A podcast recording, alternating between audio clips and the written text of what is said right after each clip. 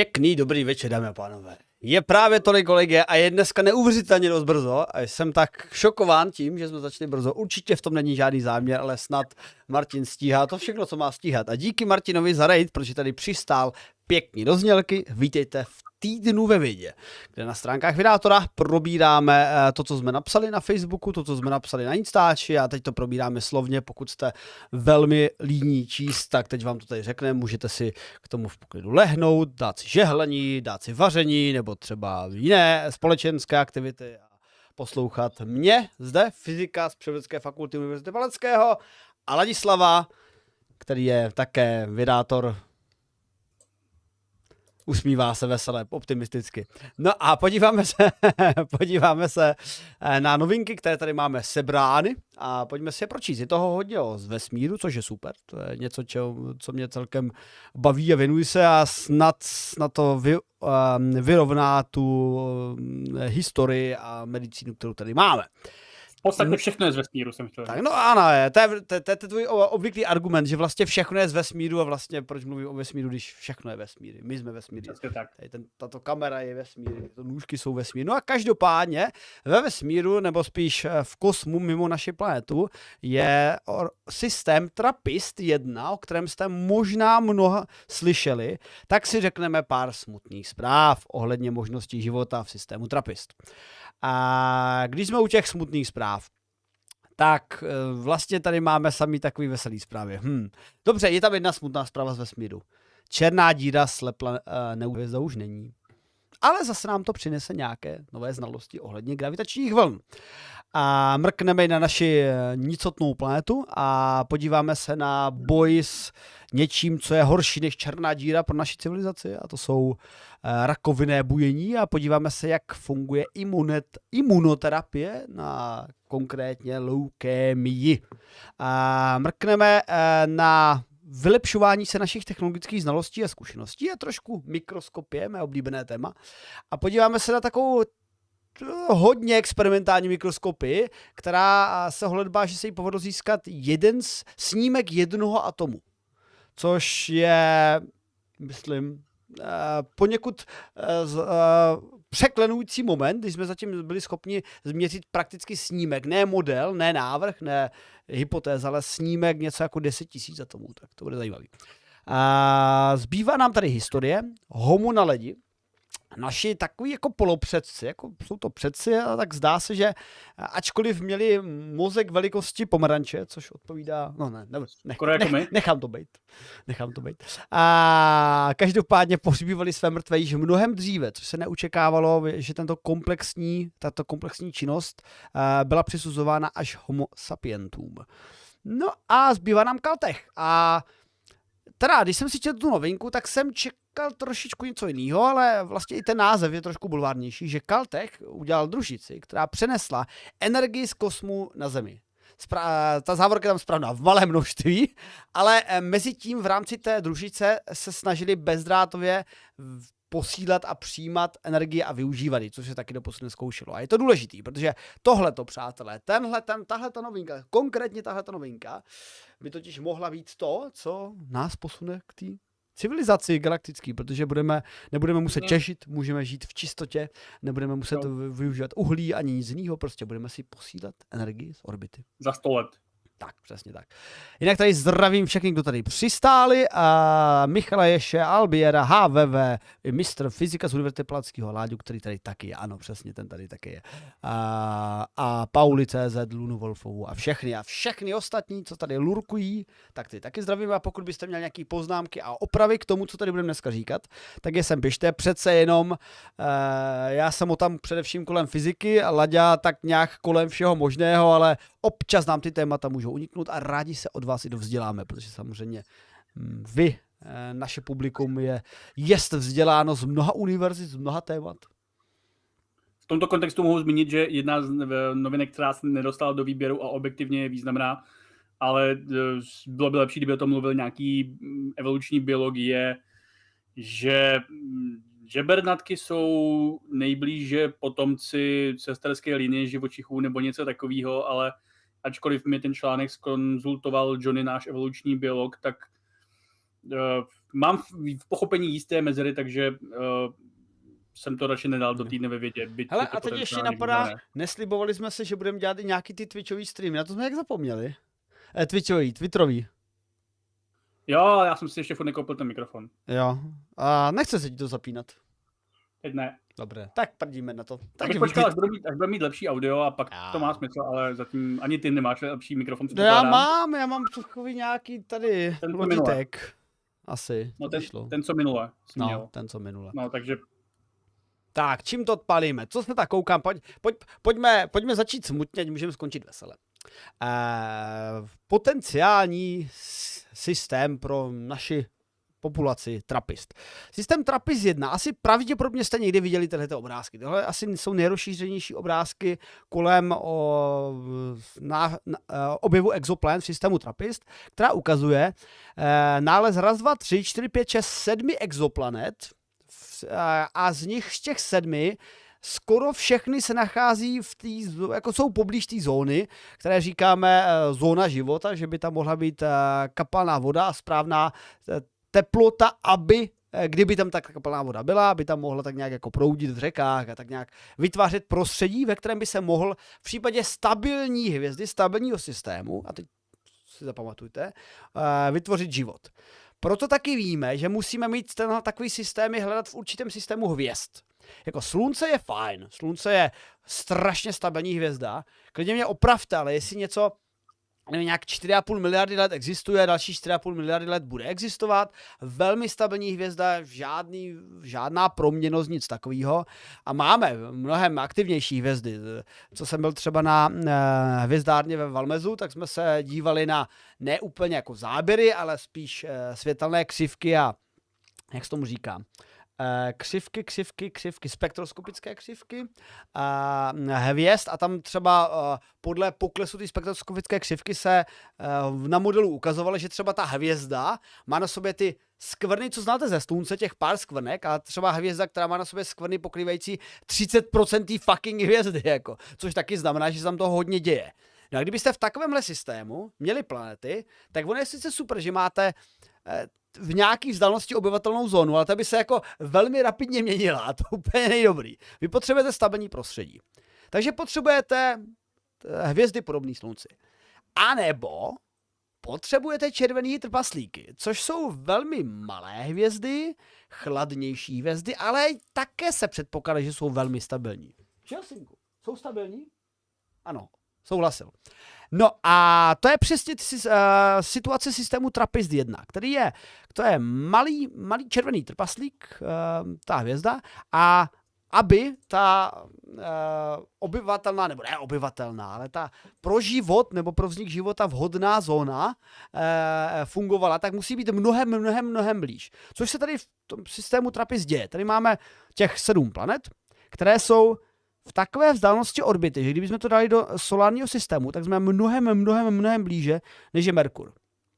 Potud dobrý. Máme hvězdu, máme nějakou posunutou zónu a tam máme planety. A ty planety jsou skoro okolností relativně podobné velikosti Země. Ještě jenom doplním, že Trappist to se jmenoval kvůli tomu, že to nalezl teleskop Trappist, byla to jedna z prvních, z prvních systémů, který byl touto metrou nalezen. Není to žádný kosmický teleskop, je to pozemský teleskop, který se zaměřuje na exoplanety. A klidně můžeme pak popsat, jak se ty exoplanety hledají a tak dále. No ale ne, už v té době, když máme tak jako planety podobné velikosti Země, poblíž té zlaté zóny a vysloveně tři planety měly být tak uprostřed té zlaté zóny, no tak uh, se říkalo safra, safra, tam by něco mohlo být, jako tam, kdyby tam byla atmosféra, kdyby tam bylo prostředí vhodný pro život a ta voda tam byla v hojném počtu, no tam může být, nemusí být, tak tam by mohl třeba být obyvatelno. A Laďo, tuším, že je to tak možná... Hele, má, máme jednu ze sedmi špatných zpráv, takže ještě z nám zbývá šest. No, ale myslím, že snad jenom tři z těch planet jsou v zóně života, nebo nějak tak, jako, že, to tam, že, jich tam, jako, že jich není ne? Hej, to, to, uh, vys ten obrázek, ona, ona v podstatě, uh, uh, ta zóna života je ta zelená, tam jsou teda tři. Ale jako s trošičkou snahy, uh, s pomocí případě vzdálenějších planet silnějšího skleníkového plynu, v případě blížších planet možná vyššího albeda by si to šlo představit, ale pointa je, že nám se strašně blbě představuje, jak vypadá jiný typ obyvatelných planet, protože známe jednu. možná ten Mars někdy v minulosti, ta Venuše ještě v dávnější minulosti, ale takhle. Takže jako ano, podle našich parametrů, které požadujeme po Zemi, tak uh, jsou tam tři planety. Ono to i odpovídá. Když se podíváš na ten vnitřní, na ten solární systém, tak jako Venuše jako by tam není, ale zase jak podle toho, jak se to dopočítá, by tam taky být mohla. A Mars v ní jakoby je, ale Mars je malý, neudržel se atmosféru, jeho problém. No a jestli se nepletu, tak teda pojďme do té smutné zprávy. A já teda nevím, jestli, to, jestli řekli, že to Bčko je mrtvý, ale já se obávám, že to Ečko, to první v té uh, zóně uh, života, tak to bylo oznámeno díky teleskopu Jamesa Weba, který se teď právě také zaměřuje na exoplanety, že to úplně nedopadne. No, tady ještě jako teda podstatný nedopadne, zjistili, že tam není atmosféra, takže Eh, tady tím, tady tím měřením eh, nejnovějším. Takže eh, možná jste o tom slyšeli, ale bez vzduchu se nedá žít, takže to snižuje šanci, že by tam mohl být nějaký povrchový život. Samozřejmě nejenom pro tady, ten, tady ty planety, ale i pro jakýkoliv mnohé jiné může platit, že je možné, že existuje nějaký život pod povrchem. A, mm, typicky se v tomhle ohledu skloňují podpovrchová moře, které známe ze sluneční soustavy, z Evropy, Enceladu, pravděpodobně Pluta, mm, Kalisto nebo něco takového a spousta dalších ekosvětů. Mm, je možný, že v minulosti Ceres, je možný, že stále Mars má nějaký podpovrchový minimálně rezervoáry vody, takže mm, lze si představit lecos, ale nás zajímá hlavně, ale my jako nevíme pořád, jestli, pod těch, jestli v těch podpovrchových mořích existuje život, takže ačkoliv samozřejmě argument může být, no a co, že tam není atmosféra, život nějaký pod povrchem, možná ano, ale my pořád jako nevíme, jestli život pod povrchem uh, nějakým způsobem může existovat. Takže pořád to hledání atmosféry je nějakým způsobem jako nejjednodušší řešení potenciální obyvatelnosti a tady se ukazuje, že uh, se to moc asi jako teda neukazuje minimálně na tom jednom konkrétním světě a bude se asi hledat atmosféra i na těch zbývajících potenciálně obyvatelných, ale je možný, že to dopadne tak, jak ty jsi zmiňoval, že, červené trpaslí, že červení trpaslíci jsou potenciálně eh, výhodní pro život, mm-hmm. to je pravda, ale u těch červených trpaslíků, vzhledem tomu, že ty světy musí být mnohem blíž té hvězdě, se skloňuje úplně jiný problém a to je, že ty světy mají pak mnohem vyšší šanci, že jsou zasaženy erozí těch hvězdných částic, případně erozí způsobenou uh, výrony koronární hmoty. Uh, čili tím, že si ta hvězda nějakým způsobem prdne. Což samozřejmě známe i ze Slunce, ale u slunce, vzhledem tomu, že díky tomu, že my jsme mnohem dál od toho slunce, tak máme jednak mnohem menší šanci, že nás to trefí, protože prostě uh, máme oni podstatně menší šanci, že se ocitneme uh, v tom vektoru, kterým to jako prdí ven, protože v té vzdálenosti už potom větší, jak si uh, ty částice taky nějakým způsobem jsou méně energetické. A zároveň uh, taky teda, jak, jak už jsi zmínil, ty částice jsou v nějaké vzdálenosti potom méně energetické, takže mm-hmm ty červený trpaslíci je právě otázka, že jestli i když teoreticky jsou možná mnohem, mnohem lepší z hlediska toho, že vydrží mnohem déle než třeba naše e, slunce, čili náš žlutý trpaslík, tak je, je otázka, jestli právě nejsou mnohem víc vystaveny tady těm nežádoucím účinkům. Mluví se o tom, že snad ti červení trpaslíci nejvíc prdí tady ty jako věci v první miliardě svých let, což by znamenalo, že třeba potom můžou být obyvatelnější, ale zase jako pokud při té první miliardě eh, let nějak významně odfoukli tu atmosféru a způsobili, že ta planeta jako zamrzla na povrchu, tak se tam prostě ta atmosféra potom bude generovat potenciálně znovu výrazně, nebo možná hůř. My jako nevíme, protože jsme jich jako úplně moc ještě neproskoumali s tím, že bychom tam jako přiletěli a mm, ty současné planety kolem červených trpaslíků jsou stále jako v průzkumu. Takže třeba je možný, že že jsme teďka viděli zrovna jednu nešťastnou, uh, jednu z mála ne, ne, nešťastných uh, planet, které se dočkali toho, že ta atmosféra u nich jaksi uh, již není, ale je taky možný, že jsme momentálně narazili na nějaký trend, který bude mnohem, mnohem častější a co z toho bude pravda, zjistíme, až budeme těch planet mít proskoumaných třeba 100 nebo 1000. Mm-hmm.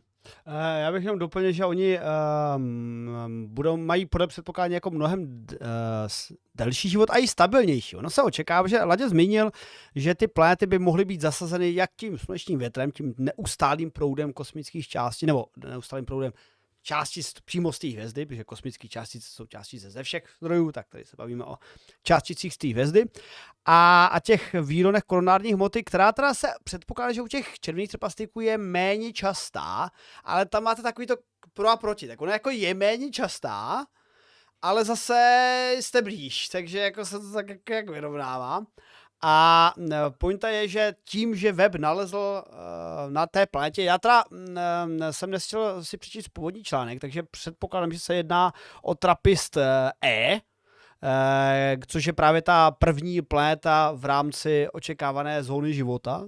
A když tam tady nalezla atmosféru, nebo web tam nenalezl atmosféru, protože prostě v rámci spektroskopického měření tam viděl, viděl nic, žádný, žádný další prvky, které by pohlcovaly záření té hvězdy, tak uh, dá se předpokládat, že tam přišli ze dvou důvodů. Buď tam nikdy nebyla ta atmosféra, nebo dobře, nikdy nebyla, znamená, že tam prostě třeba na počátku někdy Ono tak, ono skoro každý shooter si má, nějak, má nějakou úplně znicotnou atmosféru. Vlastně bere se tak, že i měsíc má jakoby úplně nic, nula, nula, nic atmosféru toho, co tam, jak, jsou, jak je to slovo, ježišmarja, ne, absorbuje, ne, perspiruje, Prostě z pevného do plného stavu. To teď se nemůžu spomínat to slovo. Sublimuje? Sublimuje, děkuji. Sublimuje, takže v podstatě eh, každý ten těleso má, ale my se bavíme o atmosféře, která je jako dostatečně hustá a ten systém ji mohl mít, a byla třeba odfouknuta postupem času, nebo neudržela si kvůli své velikosti, nebo mnoho dalších důvodů. No, my úplně vzhledem k tomu, že nemáme aspoň 10, aspoň 50 systémů krásných kamenných planet s atmosférama a neznáme jejich minulost, tak se to jako špatně odhaduje. Jako, co se týče našeho systému, tak máme Mars má něco, čemu se dá říkat atmosféra jako celkem s úspěchem. Venuše má teda sakra atmosféru, Země samozřejmě ano. A jinak už jenom Titán. A pak teda plynný obři, ale tam je to jenom prakticky o té atmosféře. Takže takže jako my nevíme, co se stalo v minulosti, my jsme sotva rádi, že jsme detekovali sedm planet a ještě jsme si tak sotva jistí, že je to fakt z těch sedm, ale teda vypadá to, že ta první jde z kola ven. A já jenom doufám, že, protože tak jsem to bral, když se web dívá tím směrem, že už by mohly být analýzy i těch dalších. A jenom doufám, že nám ty smutné pří, uh, příběhy nechtějí dávkovat jako postupně, jako a není to ani ta další. A ani ta další. Jdeme dál. Jako v tomhle ohledu, uh, u tý, u tý, myslím si, že právě u Proximy něco, u, tý, u, tý, u toho červeného trpaslíka nejblíž, který mm-hmm. byla detekovaná jiná exoplaneta, bylo pár let zpátky taky zjištěný, že si velice intenzivně jako upradl, z čehož se tak nějak jako usuzovalo, že ty jevy, kdy ta hvězda uh, může způsobit to odfoknutí té atmosféry, budou relativně častější, protože jsme právě jeden viděli. No, ale samozřejmě my zase jako nevíme, jestli teď jako další 50 milionů let se nic nedělo a dalších, další miliardu let se nebude třeba jako nic dít, ale jako vzhledem tomu, jak jsme na tom se statistikou, tak je tohle jako méně pravděpodobnější scénář a um, ani u tady ty nejbližší teda uh, exoplanety Zemi, pevný, um, podobné velikosti jako Země, uh, se tím pádem, tady tím pozorováním starším zvyšuje šance, že tam jako taky nenajdeme žádné sexy mimozemšťanky. Ale jako jen houš, protože sledujeme a díky Jamesi Weba a dalším experimentům jsme schopni eh, zkoumat uh, atmo- do nějakého detailu atmosféry exoplanet, což je opravdu dost revoluční výzkum, protože pokud najdeme atmosféru a určíme, že je tam určité množství kyslíku, oxidu uhličitého dusíku a třeba i nějakých těžších prvků naznačujících třeba civilizaci, no tak to už, to už by byla jiná, přátelé, to už by byla jiná a hned by se ta planeta stala velmi zajímavým bodem našeho dalšího zkoumání vším možným. A když jsme v tom vesmíru, pojďme, pojďme vyřešit i rovnou tu druhou smutnou zprávu ohledně zkázy černé, ne zkázy černé díry. Černá díra to přežila, ale ta druhá to nepřežila. Neutronová hvězda. Přátelé, gravitační, gravitační vlny. Laďo, co víš o gravitačních vlnách? Já vím o gravitačních vlnách, že jsou to vlny, eh, které eh, jsou z gravitace a proto se jim říká, že jsou to gravitační vlny. Naprosto přesně. Děkuji za doplnění, přesně to jsem očekával. A obecně gravitační vlny jsou kromě informací, nebo kromě nositele informací o tom, co se děje v kosmu, tak jsou také potvrzením Einsteinovy teorie relativity, eh, které, eh, obecné teorie relativity, který, eh, který je předpověděl jejich existenci a tak nějak jako se čekalo, až se to dopotvrdí. A problém gravitačních vln je, že kromě toho, že jsou to vlny a jsou gravitační, tak jsou extrémně slabučké, extrémně slabučké. A k tomu, aby byly uloveny, se uh, postavili takové jako pře, převeliké interferometry. Možná si ze školy vzpomenete na, na interferometry, kterými se měří drobné posuny v pomocí interferenčních proužků, tak něco takového se využívá i k tomu, aby se měřila deformace prostoru, že vlastně tím interferometrem projde gravitační vlna. Jakože te, prakticky za to se deformuje ten prostor samotný, těch interferometrů, které jsou dlouhé a díky tomu se zmíří, aha, tady došlo ke kontrakci prostoru. Absolut, absur, absurdní, přátelé, absurdní. No a my tak nějak jsme tušili, že když se dějí pořádný křachy ve vesmíru, tak eh, vzniknou silné gravitační vlny. A když se tak zamyslíme, co v tom vesmíru máme, tak asi byste sami v chatu napsali. Zkuste nám do chatu napsat, který ne, znáte nejsilnější taky křachy, o, jako eventy, události, co nejsilnější se může stát ve vesmíru. A typu, že třeba někoho z vás napadne jako výbuch supernovy.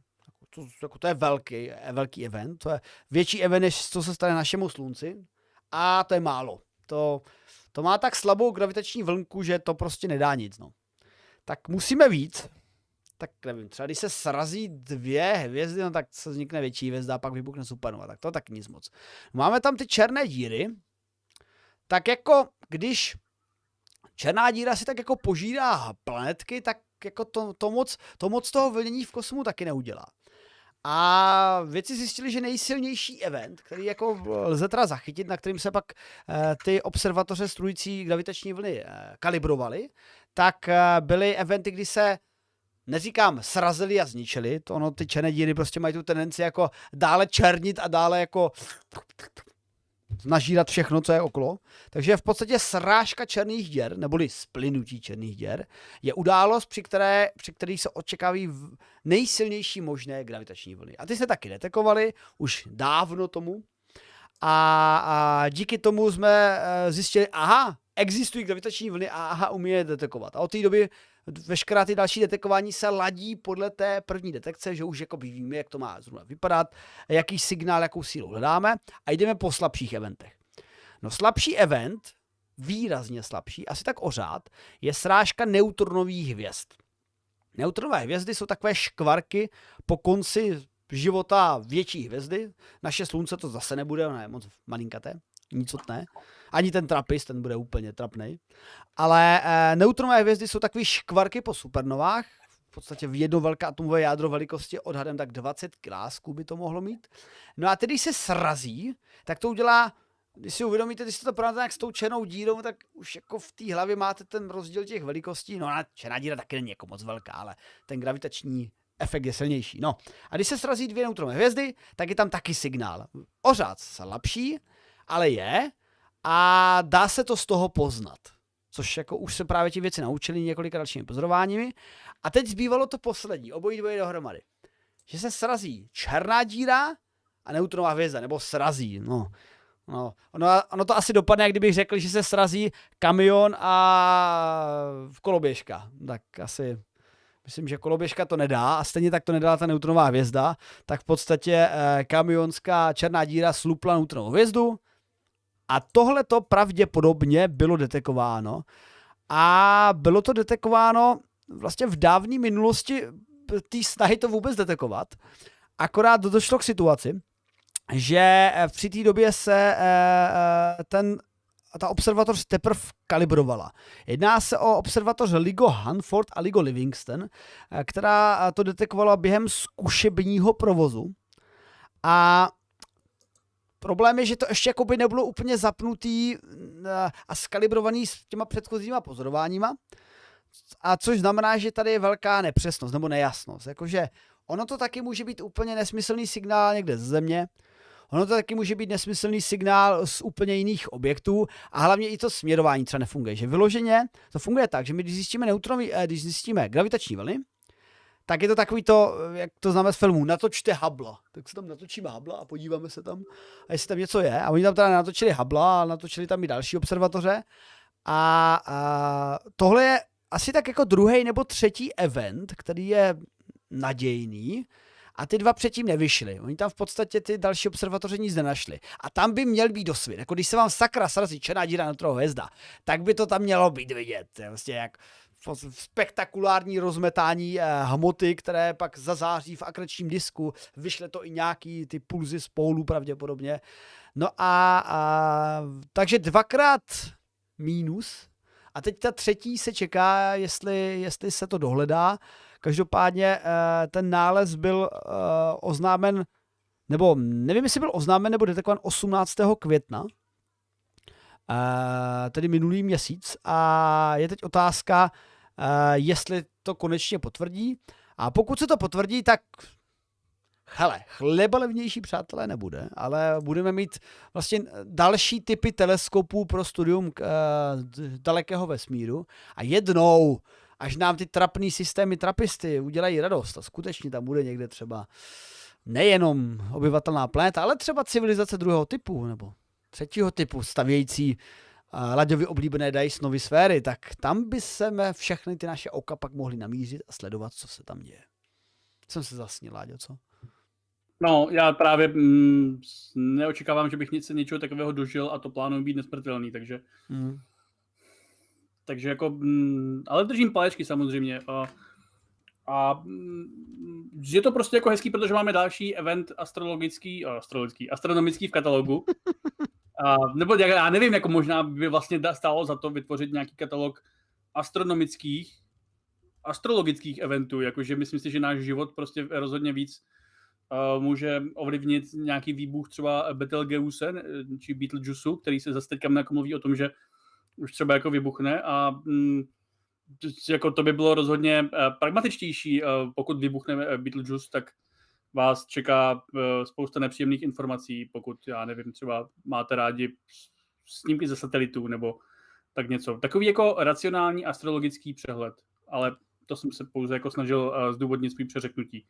No ale důležitý potenciálně je, že máme o astronomický event víc, a podle toho se třeba budou snadněji i hledat ty další budoucí, takže stejně jako u všech minulých detekcí něčeho u eh, skrze gravitační vlny platí, že z toho zajímavé informace budou za dalších 20 let a že jich bude opravdu hodně. A zatím máme jako jen ty první, takže jen můžeme říct, je někde v kosmu pohltila mm, černá díra neutronovou hvězdu pravděpodobně s nějakou 85% šancí což jako fajn, ale jako až to budem, až třeba budem tady to sledovat 20 let, tak budeme moct říct, jestli se tenhle ten event děje jednou za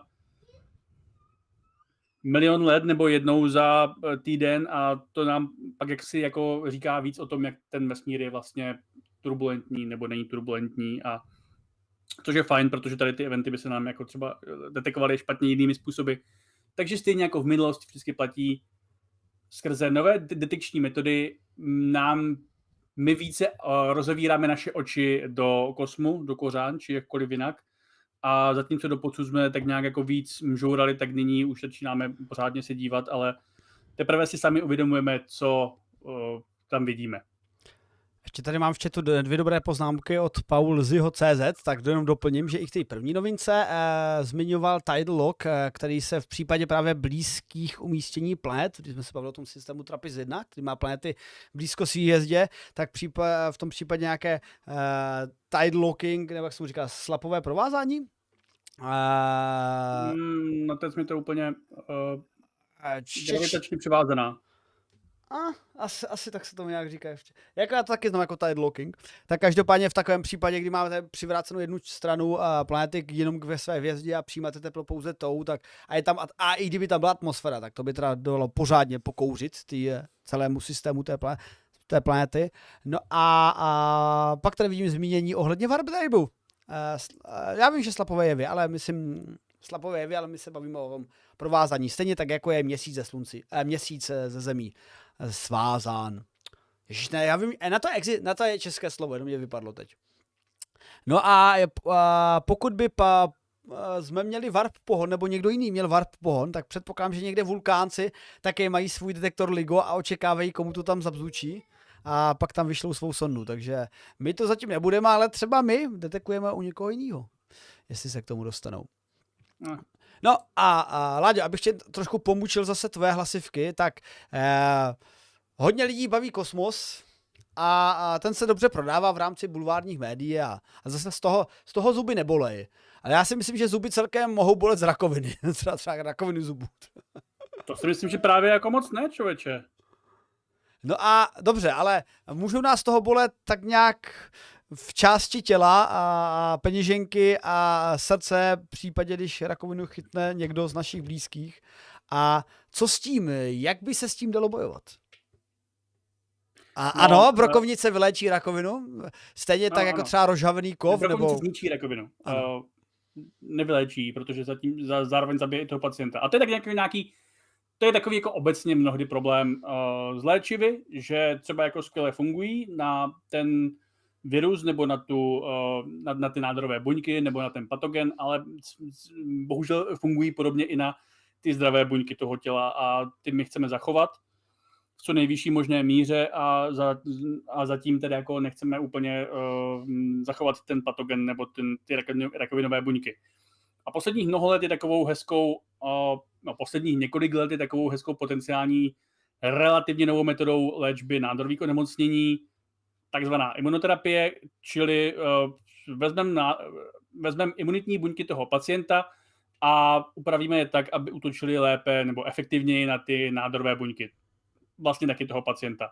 Protože náš imunitní systém, jako idea je taková, že náš imunitní systém spoustu nebo většinu v podstatě těch nádorových buněk sám odhalí a zlikviduje, ale postupně se v tom stává eh, ten systém o něco horší, nebo ty buňky se stávají naopak v té snaze uniknout imunitnímu systému lepší, což znamená, že nakonec s jistou pravděpodobností prostě některé ty buňky uniknou a začnou vytvářet v těle takové nechutné věci, nádory a podobně. A imunoterapie právě jako se snaží vzít u toho pacienta, který už jako tady mu něco jako raší, uh, ty jeho buňky a upravit aby znovu byly o něco silnější. Uh, hezky se tomu za starých časů před rokem 2020 se tomu velice hezky říkalo očkování proti rakovině. Teďka ten termín je méně, méně populární možná, než byl tehdy. Ale jako je to v zásadě to, co to jako dělá.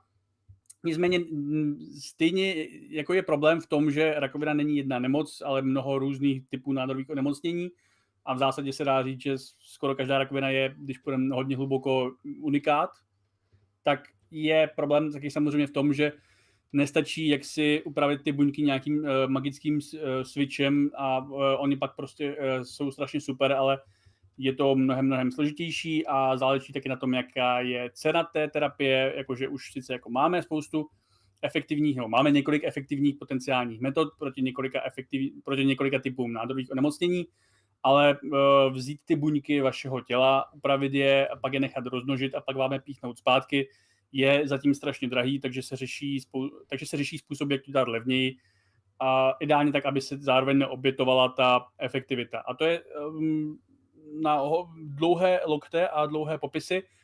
Mimochodem třeba jeden uh, i výzkum na to probíhá, nebo těch výzkumů u nás na to bude probíhat více, ale já vím teda jako o jednom, který se právě snaží uh, na, na, na našem ústavu, který se právě snaží... UOHB uh, doplníme? Ne, to nemůžeš říkat takhle, to pak lidi Neříkáme zjistí, to, jsem to neřekl. Ano. A který se snaží upravit ty uh, imunitní buňky ne tím, že jim upravíme genom, ale tím, že my vymácháme v nějakým chemickém kekelu a oni jako uh, by měli získat tu samou nějakou jako uh, protinádorovou vlastnost, což by potenciálně bylo levnější. Ono je to trochu složitější samozřejmě, uh, já z toho vím jenom to, co pochopím z titulku Aperexu, typicky, jak už to tak u mě chodí. No ale jako uh, tady ten nový, uh, relativně nová jako um, studie hezky popsala, že ačkoliv tady to, jako co já říkám, tak to mm, třeba nemusí nutně vést k tomu, že to zachrání vaše otce, kteří umřeli před třemi lety na rakovinu, ale postupně se v tom nějakým způsobem zlepšujeme a uh, můžeš přečíst ty čísla třeba, protože já si nepamatuju z hlavy. No tak uh, tady jde o to, že uh, jestli už si popsal vlastně ten princip těch dvou, těch dvou postupů, jak to umíme dělat. Oni jsou také trošku komplikovanější, ale můžeme si říct, že při boji s akutní lymfoblastickou lékémí ALL, tak se povedlo geneticky modifikovat B lymfocyty a T lymfocyty, které byly půjčený, zapůjčený od zdravého člověka, dali, byly dány pacience, která nereagovala na jiné způsoby léčby. A to je, tady je důležité si třeba zmínit, že právě to, to, co jsme řekli, genetická modifikace buněk. A hned byste se to to přece u lidí není povolený. No a jako ono to je povolený v případě eh, kritických eh, onemocnění, při kterých nezabrala žádná jiná léčba. Takže vy se musíte v podstatě prostonat do stavu, že jste úplně v říči a pak teda můžete eh, mít uh, geneticky modifikovanou léčbu, ale uh, ještě já řeknu, už musíte mít štěstí, no, jako tady v tomhle stavu asi není třeba, jako je blbé říct toho štěstí, ale musíte mít ten stav, že s váma a že vás pak vybere nějaká univerzita do výzkumu a že tyhle ty experimentální metody také dost hodně stojí. A když se třeba i uspějí, tak oni pak řeknou, ano, funguje to, avšak by ta léčba pak stála několik mega dolarů. A což jako, mm, dobrý, a není nějaká třeba tabletka za 20 korun, která by to řešila, no není. No a, a v tomto případě uh, ta léčby teda byly dvě, dva přístupy. Při jednom se geneticky modifikovaly T lymfocyty od dárce, které byly schopné zacílit přímo na nádor, když samotná ta, ten imune, eh, mm, imunita té pacientky a její a ta lymfocyty nedokázali a neubližovali něčemu jinému.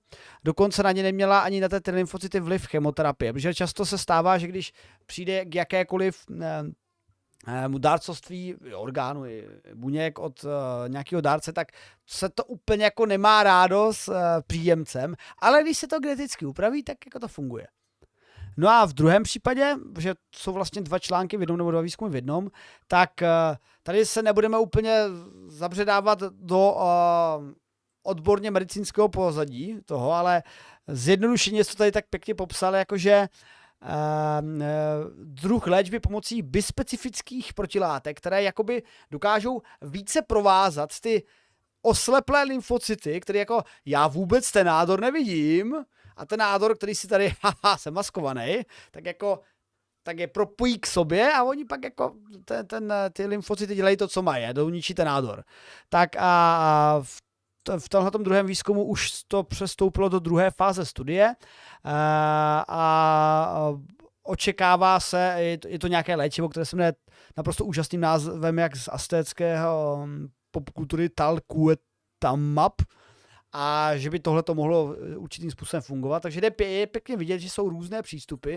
Eh, cílená genetická modifikace, eh, lepší znalosti molekul a to všechno je možné jenom kvůli tomu, že my čím dál tím, to trošičku odběhnu, čím dál tím víc víme o lidském těle, to je nic šokantního, ale čím dál tím přesně jsme schopni rozpoznávat jednotlivé funkce proteinů a jednotlivých částí buněk a jak to funguje, jak, kde jsou ty správné zámky a klíče a kde se to správně do sebe zasekává. A to, a to také díky uh, dostatečně pokročilým technologiím a dostatečně pokročilým třeba mikroskopickým technologiím, že ty věci dokážeme vůbec zobrazovat. Takže máme tady Eh, ne zázračné technologie, ale zajímavé technologie, které nás někam vedou.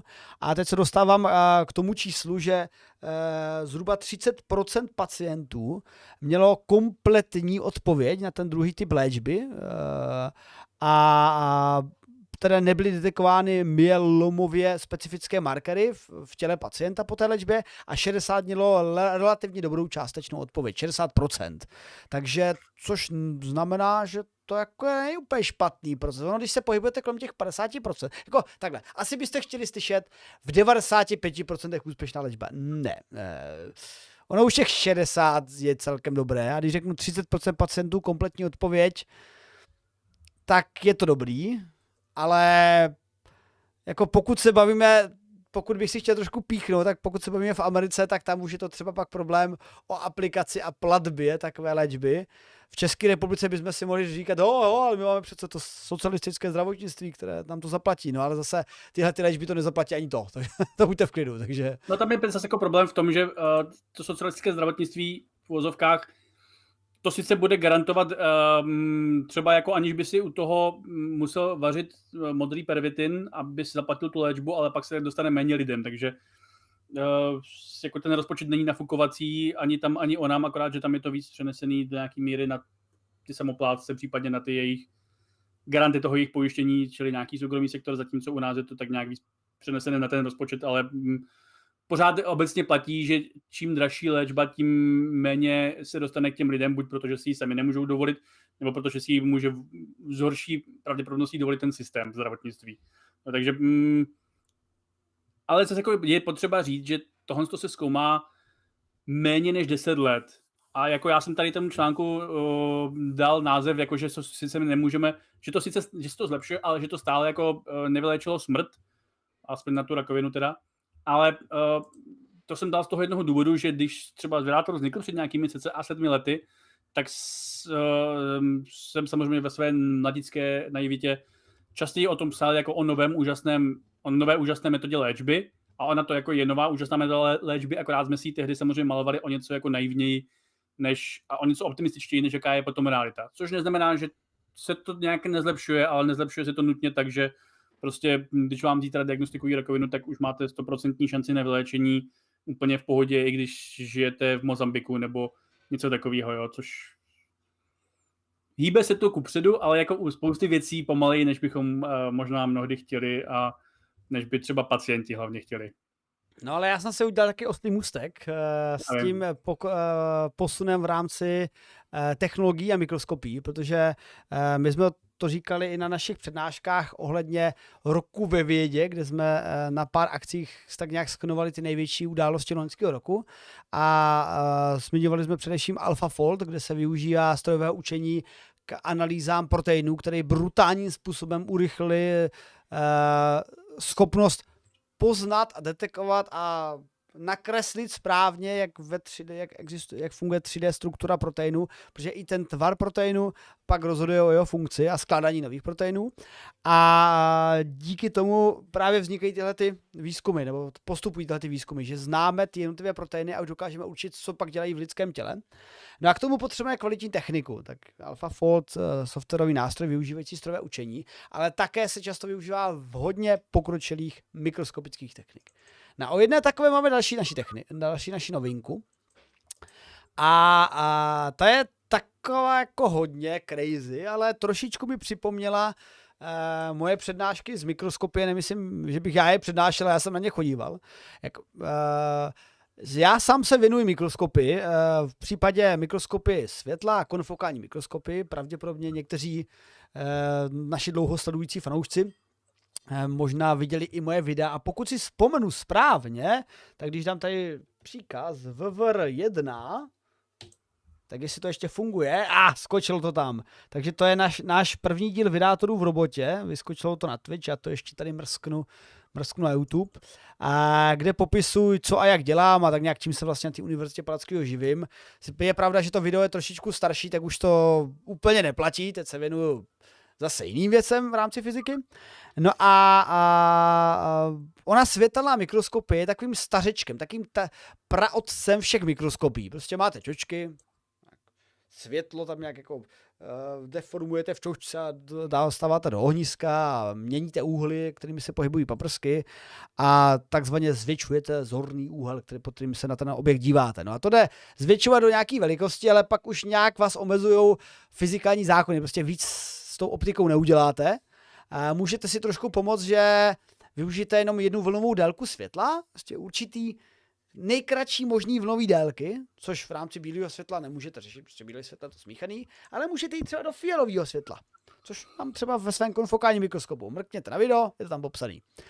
No a je tomu pár sakra, jak dlouho to bylo, tak 50 a 60 let a jsou ty první elektronové mikroskopy, a ta idea byla v tom, že když sakra světlo je částice i vlna, jestli oni částice taky nemají jako vlnové vlastnosti. A oni ty svinky mají. Takže když se využije jako objekt pozorování elektron, tak můžeme využít vlastně tu vlnovou délku elektronu eh, jako zobrazování, takže nemáme sice eh, skleněné čočky, máme elektromagnetické čočky, nedíváme se fotonama, ale elektronama a nedíváme se do toho, protože jak si elektrony by nám propály oči, ale díváme se do toho přes nějaký, nějaký detektory. Ale vyloženě dneska jsem byl na školení v rámci elektronového mikroskopu, se kterým se dneska zauču, protože ho máme potřebu mít nějaké měření. A on ten elektronový mikroskop je fajn věc v tom, určitě mnozí z vás o tom někdy slyšeli, možná to jich studovali na školách, že využívá teda proudu elektronu, který interaguje s hmotou a díky té interakci s hmotou takhle, i foton interaguje s hmotou, prostě se tam pohltí a vyzáří. A on ten elektron ale interaguje, řekněme, drsněji. To je asi tak, jako kdybych se tady, asi, asi rozdíl jako jasu, když vidíte můj obličej a Laďův obličej ozářený, tady na téhle tý kameře. Jakože ta interakce v tom normálním mikroskopu je taková jako nic moc, prakticky jako to nejde cítit. A v elektronovém mikroskopu tam prostě valí proud, ion, proud elektronů, který je schopný vykopnout elektrony z těch samotných atomů, tím ionizovat a, a pak ty atomy jsou ionizovaný, dochází tam nějaký změna vazba, září z toho i rengenovské záření, protože když se vykopne elektron z, z jádra, tak tam musí skočit elektron z vnějšího obalu, ten rozdíl vyzáří v eh, rengenově záření, prostě je tam strašně moc částic tam lítá a v podstatě tam máte asi jako 4-5 druhů částic, který nastane, nebo 4-5 druhů jevů, který nastane potom úvodním elektronu, co vrazí do té látky.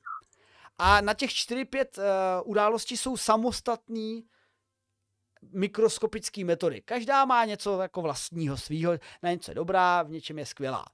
A především je to dobrý v tom, té kombinaci, že je to schopný nejen zjistit, jak to tak nějak vypadá, v detailu mnohem lépe než ve světelné mikroskopii nebo i v konfokální, ale je schopné to zjistit i chemické složení. Když už to tam točí, lítají ty elektrony pryč a tam pak skáčou ty rengenovská záření, ty rengenové fotony, tak uh, ono to přesně odpovídá tomu, jaká látka je tam excitovaná a to je, to je pak výborný právě k detekci toho, na co se dívám, spektroskopické metody. Na to umí elektroňák. Umí to i další, nějaký metody spektroskopický, kterým se třeba věnují zase někde jinde. A vydátoři tady uh, použili zase úplně jinou techniku a ta se jmenuje tunelovací technika nebo mikroskopovací tunelovací technika. A s pomocí té techniky, v kombinaci ještě se spektroskopickou technikou, tvrdí, že povedli zobrazit jeden jediný atom železa. A nebylo to jenom tak jako mimochodem, jako že prostě tady je atom železa, teď to jako ozářím a, a máme to. Ono to bude něco, ono to bude, je to skoro podobné, jako když jsme se bavili před rokem, to byla ta taky ta moje oblíbená novinka o těch to byl transmisní elektronový mikroskop, ten hluboce podchlazený na měření proteinů. A ono to jako fungovalo, ale jenom když se to celý podchladilo heliem a jako taky to nebylo úplně technika volně přístupná do každé labiny, tak tady v tomto případě použili tunelovací sondu. To si možná taky jste někdy slyšeli ve škole. A to je, jako, že máte strašně ostrou sondu. A tou strašně ostrou sondou myslím, že ta sonda není ostrá, jako že zašpičetila jenom tak jako nějak makroskopicky. Je fakt mikroskopicky ostrá. Prostě máte tady máte jako pár atomů, ještě méně atomů a jeden atom. Tak jako takhle by to mělo být ostrý.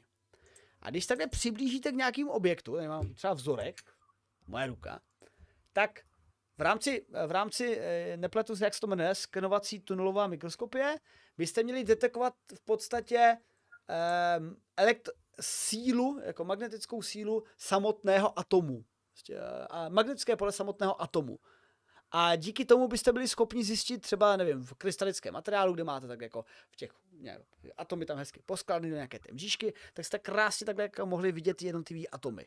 A strašně složitá technika na mikroposuv, na citlivost, na dokonalost toho terče a úžasná technika. No a tady v tomto případě tuhle tu techniku využili, zase to bylo asi nějakým absolutně úchvatným uh, typem hrotu.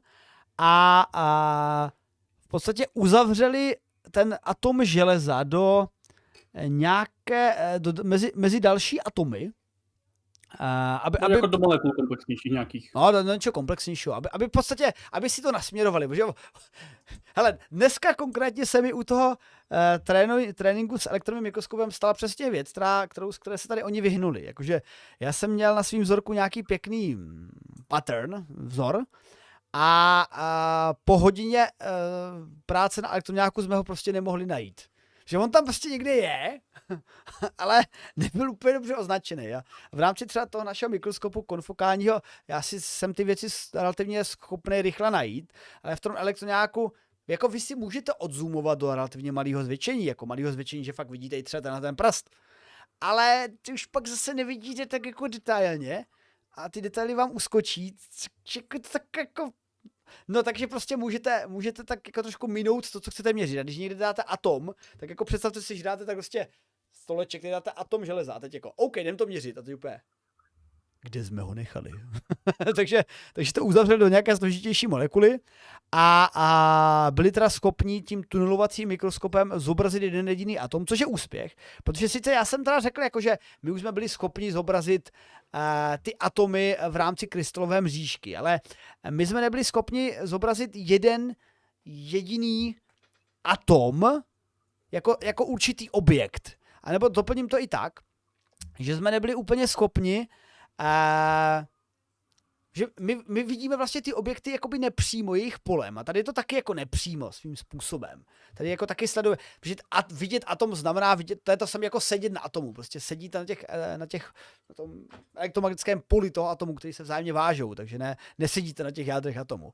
No ale uh, tady jsme byli schopni vidět ten atom samostatný, že prakticky třeba, když máme nějaký dopanty v nějakých částicích, tak to obvykle vidíme jako chybějící ten atom. Tak říká, aha, tak tam je něco jiného. teď jsme byli schopni detekovat jeden jediný osamocený atom a, a já se teda přiznám, že mě samotného trošku překvapilo, že už to neumíme. Já jsem teda jako lovení jednotlivých atomů se zase tolik nevěnuji, ale uh, zajímavý, že teď už to umíme a podle, podle článku, který vyšel na osel.cz, jsme dřív uměli něco, čemu se uh, říkalo uh, na úrovni jednoho atogramu, což je zhruba 10 tisíc atomů dohromady, takže taková pořádně velká molekula, co jsme byli schopni samostatně zobrazit a teď už bychom měli umět zrengenovat jeden jediný atom, což bych ještě doplnil, že tady je pak zajímavá ta kombinace, jak jsem mluvil o té spektroskopii, že jsme byli schopni, nebo oni byli schopni i ten atom uh, potvrdit tím spektroskopickým měřením, že ano, byl to atom, protože právě znám, z něho vyskočilo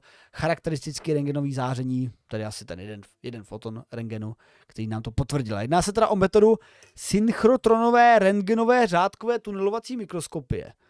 E, takže se zjevně využívá synchrotronového záření, což podle mých znalostí je, že mají zdroj rengenu e, s pomocí urychlovače, který dávají ty nejstabilnější a nejkrásně nejhomogenější spektrum rengenů vůbec dostupné. Takže zajímavá technika a, a takhle máme techniku a i, i, i s, tou, s tou samotnou studovací mikroskopy nebo s těma samotnýma elektroňákama. Já si pamatuju, když jsem začínal studovat, tak elektroňáky už tehdy jako byly jako, že ano, tohle přijde do praxe, tohle bude hodně pomáhat, ale tam se mluvilo, že prostě to je, to je 5 mega, 10 mega, to prostě je nedostupný. A teď vyloženě tyhle ty systémy už stojí nějaký to mega, jako možná pár mega, nevím. A skoro okolností třeba i Česká republika, i v minulosti Československo eh, dalo základ z téhle technice. Ne jako, nejsme vynálezci téhle techniky, ale byli jsme v tom hodně dobrý. A prakticky Brno je považováno, určitě tady máme nějakého fandu, který už to tam hlásá v chatu půl hodiny, jenom nečtu chat, tak se, tak se na to mrknu, ale Brno je takovým hlavním městem elektronové mikroskopie, se často říká. Tam sídlí Teska, a myslím, že Teska není jediný, sídlí tam toho více, no? Ale každopádně uh, máme tady další posun v nějaký velmi sofistikovaný mikroskopii, která uh, zase přebrodila nějakou jako hranici OK, už zvládáme jeden jediný atom. A to už zase nás posílá dál někam a je zajímavý, kam se to, kde se to až zastaví, přátelé, kde se to až zastaví. A ne, nejen, že nečteš chat, ale taky se nedíváš, že se hlásím o slovo asi už pět minut. Vidíš, vůbec, já, se, já jsem byl tak rozhorčený, že jsem se nedíval.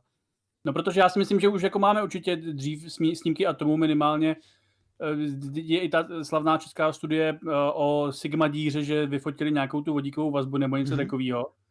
nebo změřili, jako, ne, jako, ale jako tak vy, vyfotili a změřili v těchto velikostech je víceméně asi to samý, myslím. Ano. No. Ale podstatní tady u toho je, že to je, získali eh, v tom rentgenu. Mm-hmm.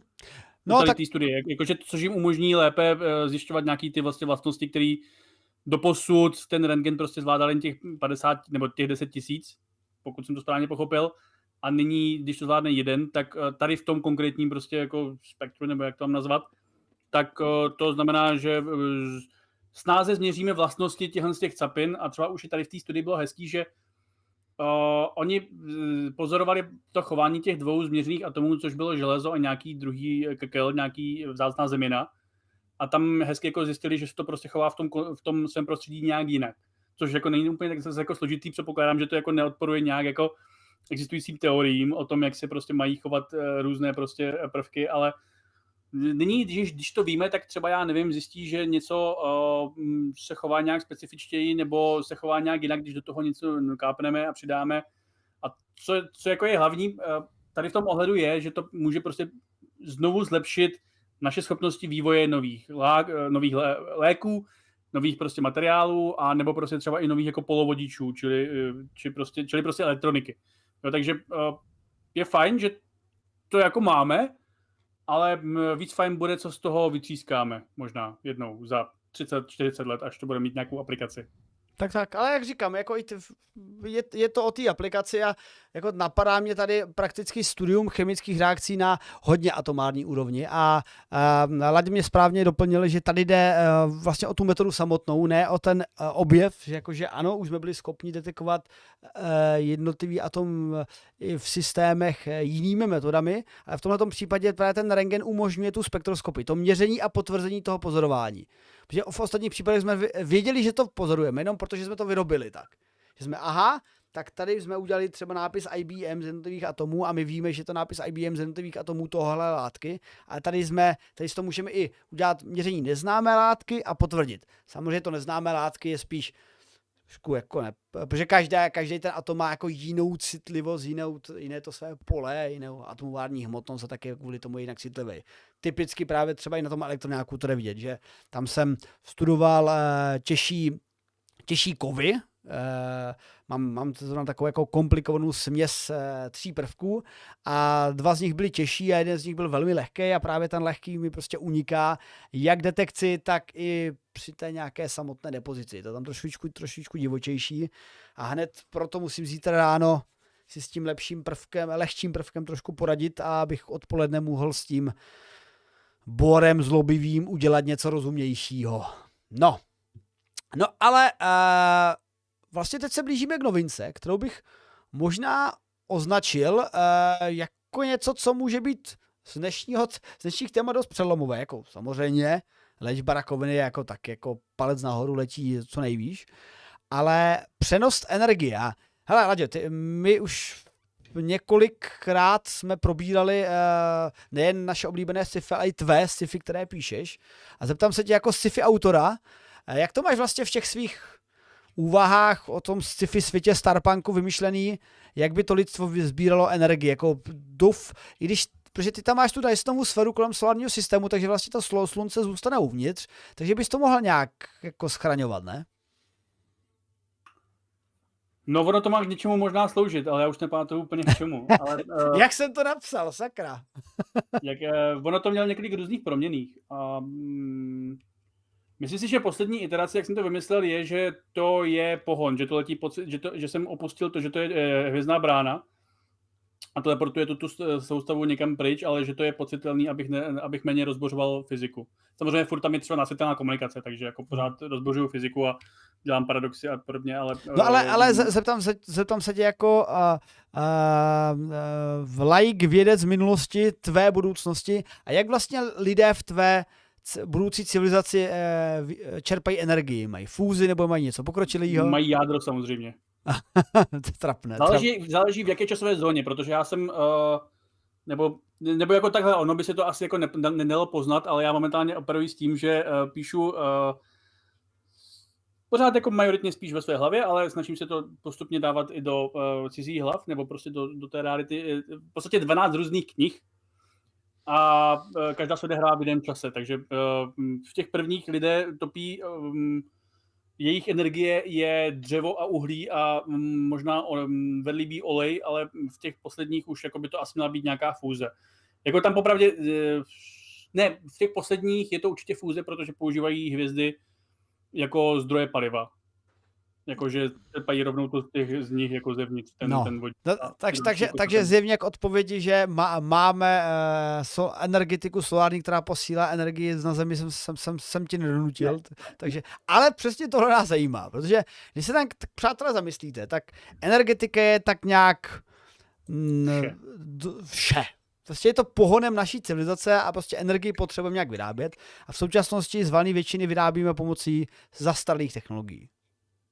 Ale já můžu teda jako dodat uh, v tomhle tom ohledu, mně se líbí pohled, že historie naší civilizace, nebo obecně třeba i historie jako života, před naší civilizací logicky, je, může být do značné míry definovaná tím, jaké zdroje energie používají. Jakože dokud uh, uh, živočichové prostě používali jenom slunce jako zdroj k fotosyntéze, tak prostě toho mohli vykonat jako podstatně méně, než když pak jako vznikly ty celé komplexní zdroje, uh, celé, celé komplexní potravinové řetězce a pyramidy, takže samozřejmě stále jako jsme závislí na slunci, ale uh, tím, že rostliny jsou na, na něm závislé, ale my pak jíme ty rostliny, což je pro nás prostě jako efektivnější zdroj, než kdybychom my jako lidé se slunili a z toho získávali ten zdroj energie. Takže to jako je jeden jako samozřejmě pokrok v rámci života, ale ten další, plus teda samozřejmě to, jak my využíváme ty, ten, ten, ty existující, ty existující zdroje, v tom smyslu, že prostě třeba přechod na kyslík u našich mm, pradávných jednobuněčných já uh, znamenalo, že mohli výrazně lépe, efektivně využívat existující zdroje energie. Asi jako ten rozdíl, když já nevím, jste, uh, sedíte u ohně 1 metr nebo 10 metrů jo, v úvozovkách. Pořád využijete oheň, ale prostě máte z toho jako díky nějakým jiným parametrům o něco víc. A u té civilizace já si myslím, že podstatný opravdu je, že většinu naší historie my jsme využívali uh, oheň tím, že jsme spalovali dřevo, pak jsme se naučili poměrně efektivně spalovat uh, uhlí, tím vznikla celá plus jiné fosilní paliva jako ropa pravděpodobně, čím vznikla v podstatě celá průmyslová revoluce a teď teprve jako pomalu jako řešíme, jak bychom mohli získávat uh, ve větším společenské uh, jakože my už nemáme samozřejmě půl století energii atomu, ale prostě ještě jako na to nám tady furt nejezdí třeba auta, jako, jako, jako ve Falloutu. A potažmo třeba i fúzi, potažmo třeba i nějaký jako jiný uh, zdroje, vys tady ten solární, takže v podstatě velko, podle mě velkou část jako se dá vnímat historie civilizace i historie života do určité míry právě podle toho, jakým zdrojem nebo jakým zdrojem, ta, jakým zdrojem disponují, případně jakým způsobem s tím zdrojem či zdroji disponují jako metodou. Ale to jen tak jako mimochodem, jako jenom, že jsem chtěl říct, že to je opravdu významné téma, i když to tak prostě jako vypadá, ne, tak budeme pálit něco trochu jiného, nebo, nebo, nebo trochu jinak. Tak, tak. A jde především o to, že eh, eh, čeká se na nějaký větší revoluční kroky právě v energetice a v tom, jak budeme nejen nějak experimentálně, ale udržitelně pro naši civilizaci, řekl bych i komerčně získat tu energii, tak samozřejmě na řadě je fúze, která se čeká na rozlousnutí a myslím, že do 50 let by mohla být. Ale my tak nějak víme, že fúze, to, dobře, ta fúze nám vlastně přináší dvě věci. My, my víme, že ta fúze funguje, protože sakra vidíme nahoře slunce, které zjevně jako uh, dokáže fúzovat a už miliardy let a je v tom velmi úspěšné. A my z celé té energie sluneční tak nějak jako existuje celá naše planeta a jenom na ta energie úplně nestačí, my si potřebujeme vydobít trošičku více pro naše stroje, mašinky a všechno vůbec.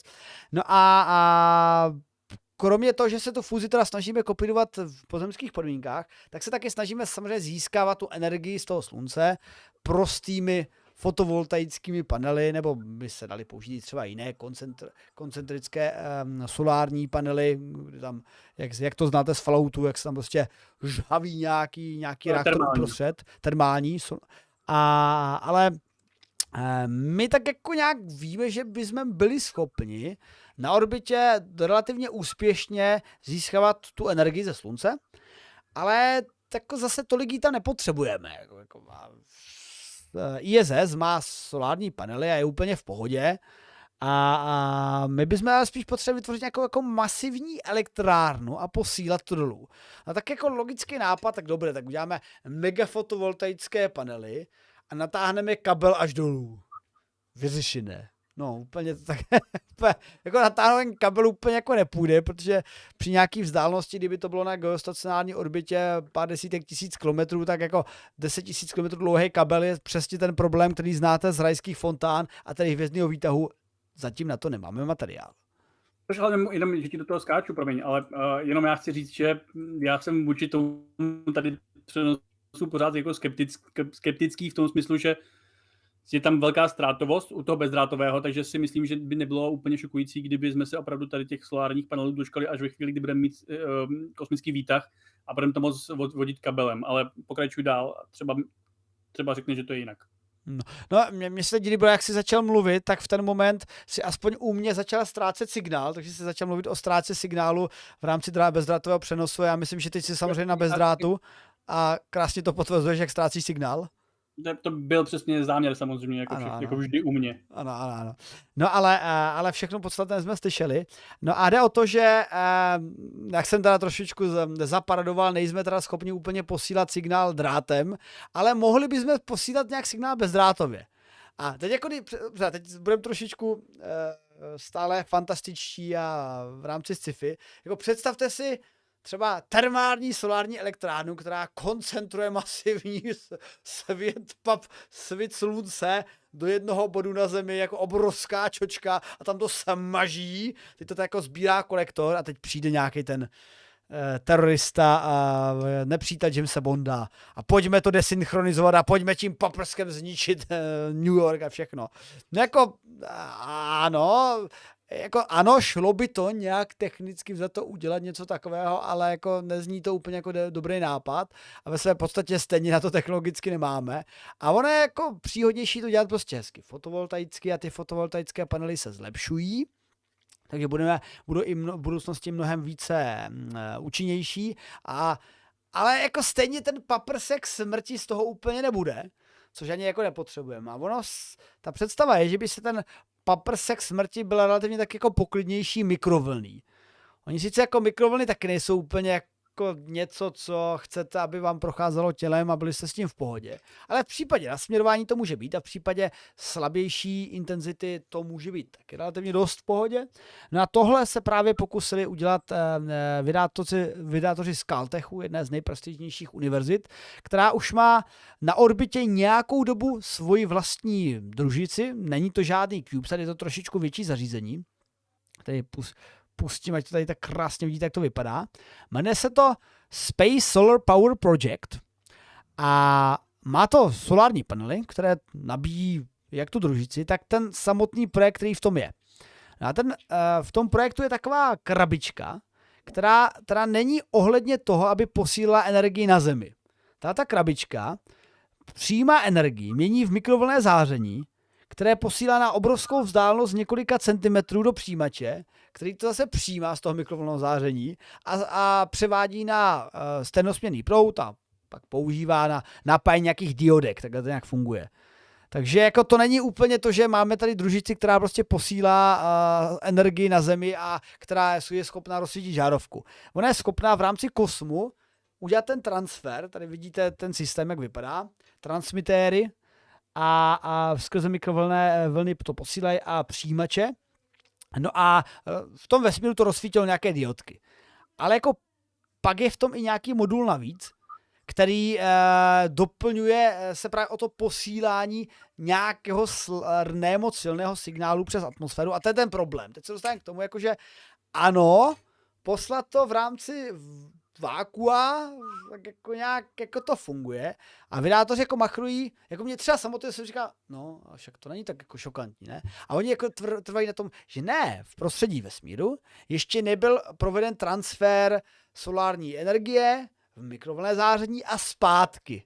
A tím to, jako, tím to tak nějak jako ukázali, že jsou toho schopni, ale k tomu byl ještě doplněný eh, nějaký tam je jako zařízení, které je schopno pak poslat i část toho záření na Zem, kde byl detekován.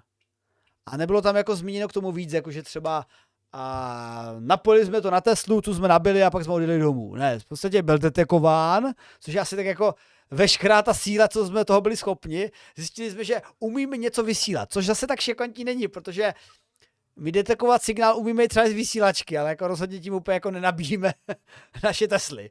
Takže jo, ale e, nazval bych to zajímavým technologickým demonstrátorem něčeho, což jsem nevěděl, že v praxi neumíme, vlastně už dneska po druhý.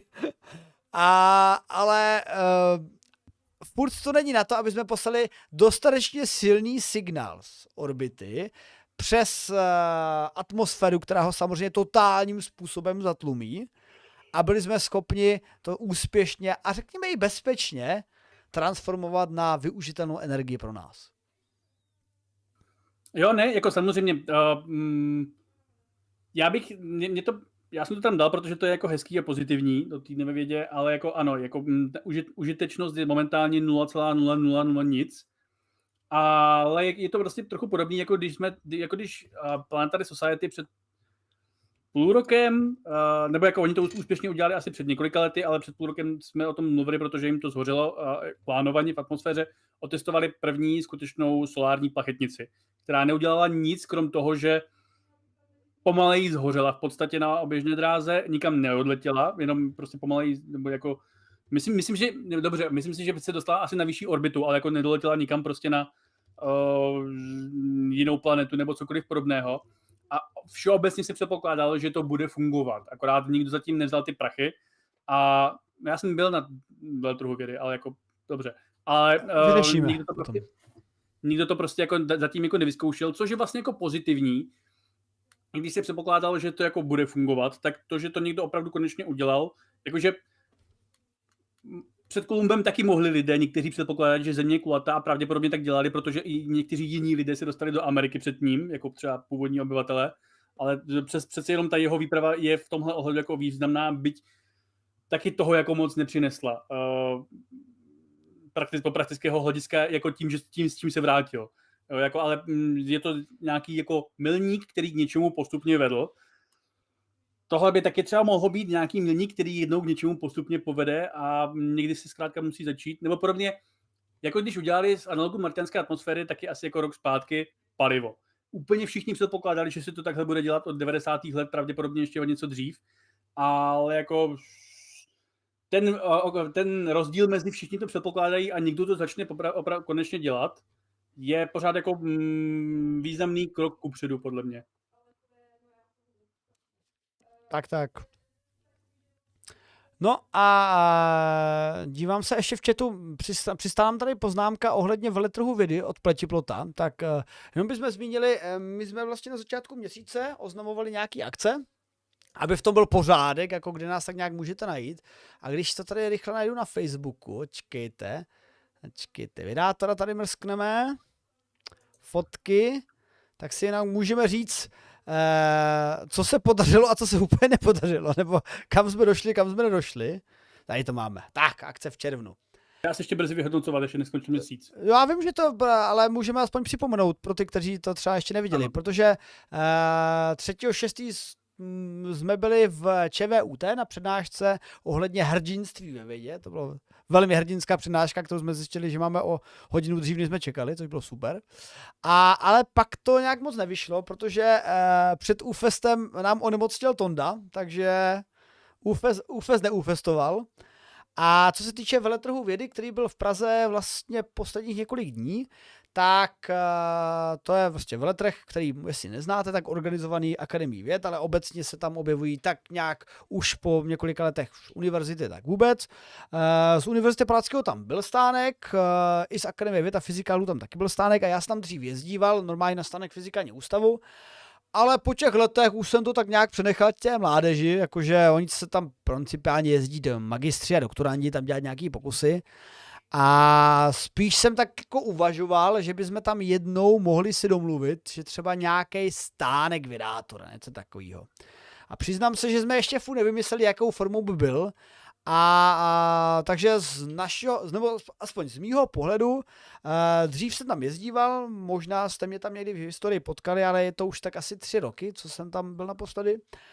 Na stánku fyzikálně ústavu a možná to obnovím, ale spíš bych to tak viděl nějaký stánek, stánek vydátora, až vymyslíme teda koncept, jak by takový stánek vydátora měl vypadat jinak, než že tam budu sedět že tam bude ládě nasraný a přesvícený a já tam budu uh, nestíhající a, a připravený. a vy tam přijdete a mi říkáte, co chcete? Má do píči. tak, tak. No ne, ale tak jako já myslím, že nastanek asi nebude mít ani jako finance, protože ono to jako něco stojí a uh, fyzikální ústav ale má větší rozpočet než my, jako to, no, no, o něco. No, no. Ale jako, uh, ne takhle, já jsem na veletrhu vědy uh, za starých časů přišel za Jeronem a když on si tam zapaloval ruce uh, v rámci fyzikálního ústavu, snad tehdy ještě, nebo složka, nebo co vy to tam máte, nebo pod čím No, fyzikální ústav to byl stánek. No. A pak, byl, a pak jsme se měli účastnit veletrhu vědy jako uh, vydátor v roce 2020. Probíhaly jednání a uh, věci z kraje roku 2020 a pak možná jste o tom slyšeli, se v roce 2020 něco stalo a veletrh vědy nebyl. A nikdy jsme tento uh, doposud úspěšně uh, te, tuto komunikaci neobnovili, protože 21 myslím taky rozhodně nebyl a dva, 21 možná byl, ale nějak jako asi internetově předpokládám. Mm-hmm. Nebo nevím už teďka. No, bylo, to... bylo nějaký taky jako internetová varianta, ale tak jako, no. hele, internetovou variantu veletrhu vědy tady děláme jako každý týden my. Technicky no. za to. Tak... A, uh, a loni jsem tam teda jako byl poprvé, když jsem tam trochu pokrýval uh, aktivity u Ochabu, na Socky, ale to jsem tam byl o něco trochu víc a mm, na Instagramu a Facebooku byly nějaký storíčka o z mých návštěv jiných stánků, jakože jsem třeba tam jako napsal, že Sisyfos tam má málo zatím lidí pátek, nebo ne, ve čtvrtek, a mm, Martin Rota mi tam nechal plechovku nějakého svého driáku a uh, ale jako letos jsem si vyzkoušel, že naše, naše úžasná technika uh, klopáky již uh, je na takové úrovni, že může zaznamenávat mluvící lidi, aniž by, abychom těm lidem rozuměli. Takže příští rok já mám takový jako plán, že bych tam chtěl udělat spoustu videových obsahů, kdy v sobotu jsem tam nebyl. Byl jsem tam, byl jsem tam asi hodinu ve čtvrtek a asi hodinu v pátek. Ale příští rok bych tam rád, a jsou z toho tedy nějaké obsahy na sockách u Ochabu a byly z toho nějaké obsahy na našich storíčkách vydátorských. Škoda, a... že jsem je neviděl.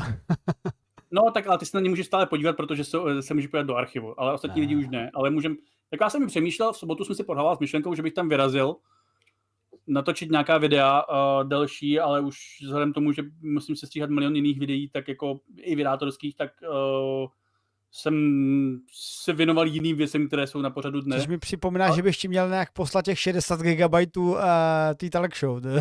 Jakým... Já si myslím, že to asi já někdy v červenci přijedu a myslím, že to střihnu mnohem jednodušší u tebe. Chci být pár dní volomouci, nebo aspoň dva.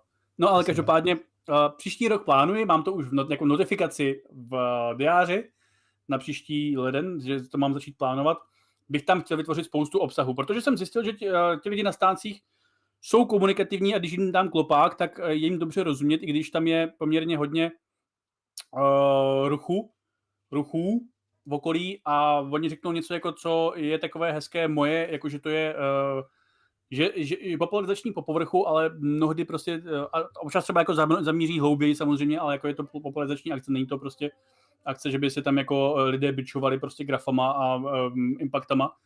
A, ale za rogaš jak si, protože uh, jsem to otestoval, tu techniku až letos. Hmm. A... Já, a, a bych jako doplnil, že to, co Ladě popisuje, v podstatě, že Eh, se za vědátora, ale také jako za UOCHB, eh, který jeho zaměstnavatelem zúčastnil veletrhu vedu tím, že tam prostě nahrával rozhovory, tak jako to je také jako nějaká účast, jak bychom se mohli účastnit, protože přece jenom eh, těma rozhovorama, ale klidně nám jako napište, jako co byste si tak představili, že my jsme sami, jako přiznám se, že jsme prostě nad tím mnohokrát přemýšleli a normálně stánkový akce jsem vyloženě já založil se spolkem Upcrowd, ale ty stánkové akce jako byly stylem, že byly experimenty, pokusy.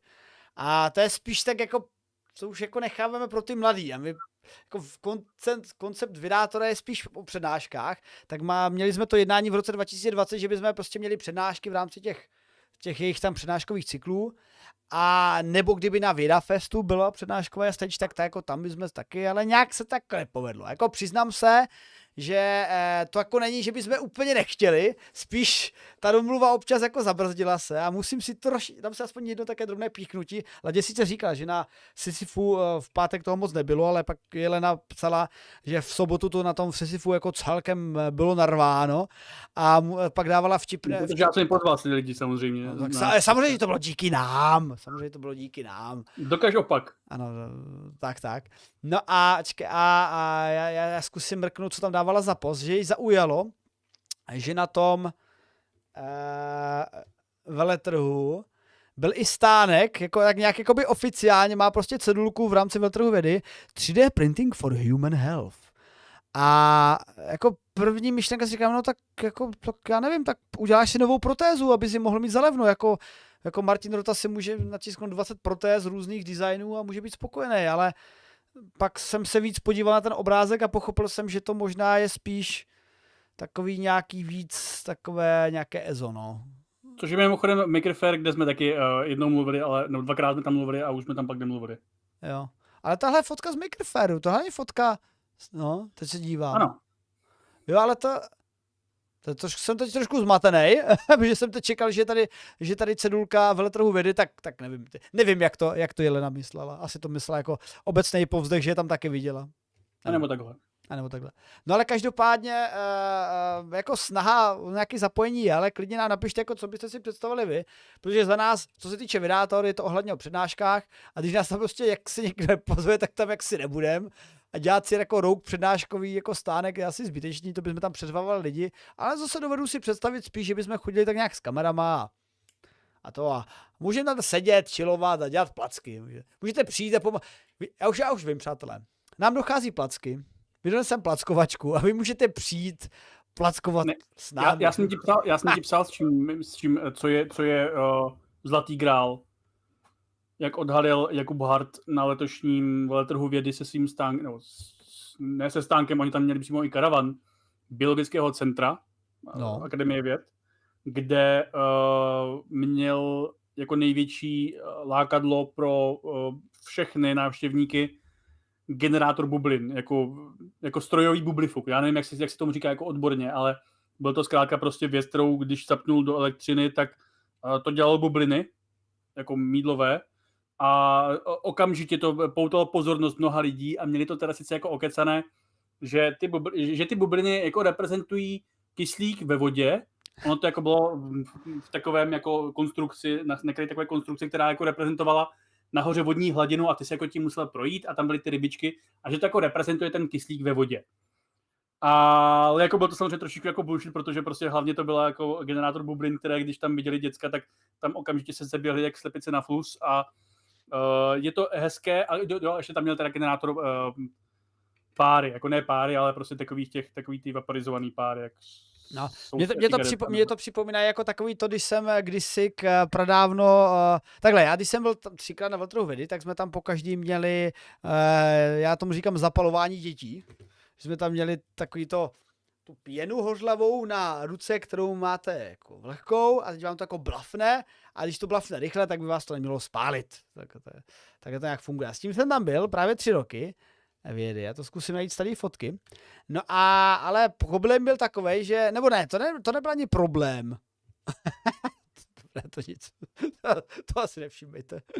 O, jaký obrázek. What? Ne, skočil tam taky obrázek. Já už jsem to našel. A tohle byl náš, myslím, poslední veletrh vědy 2019.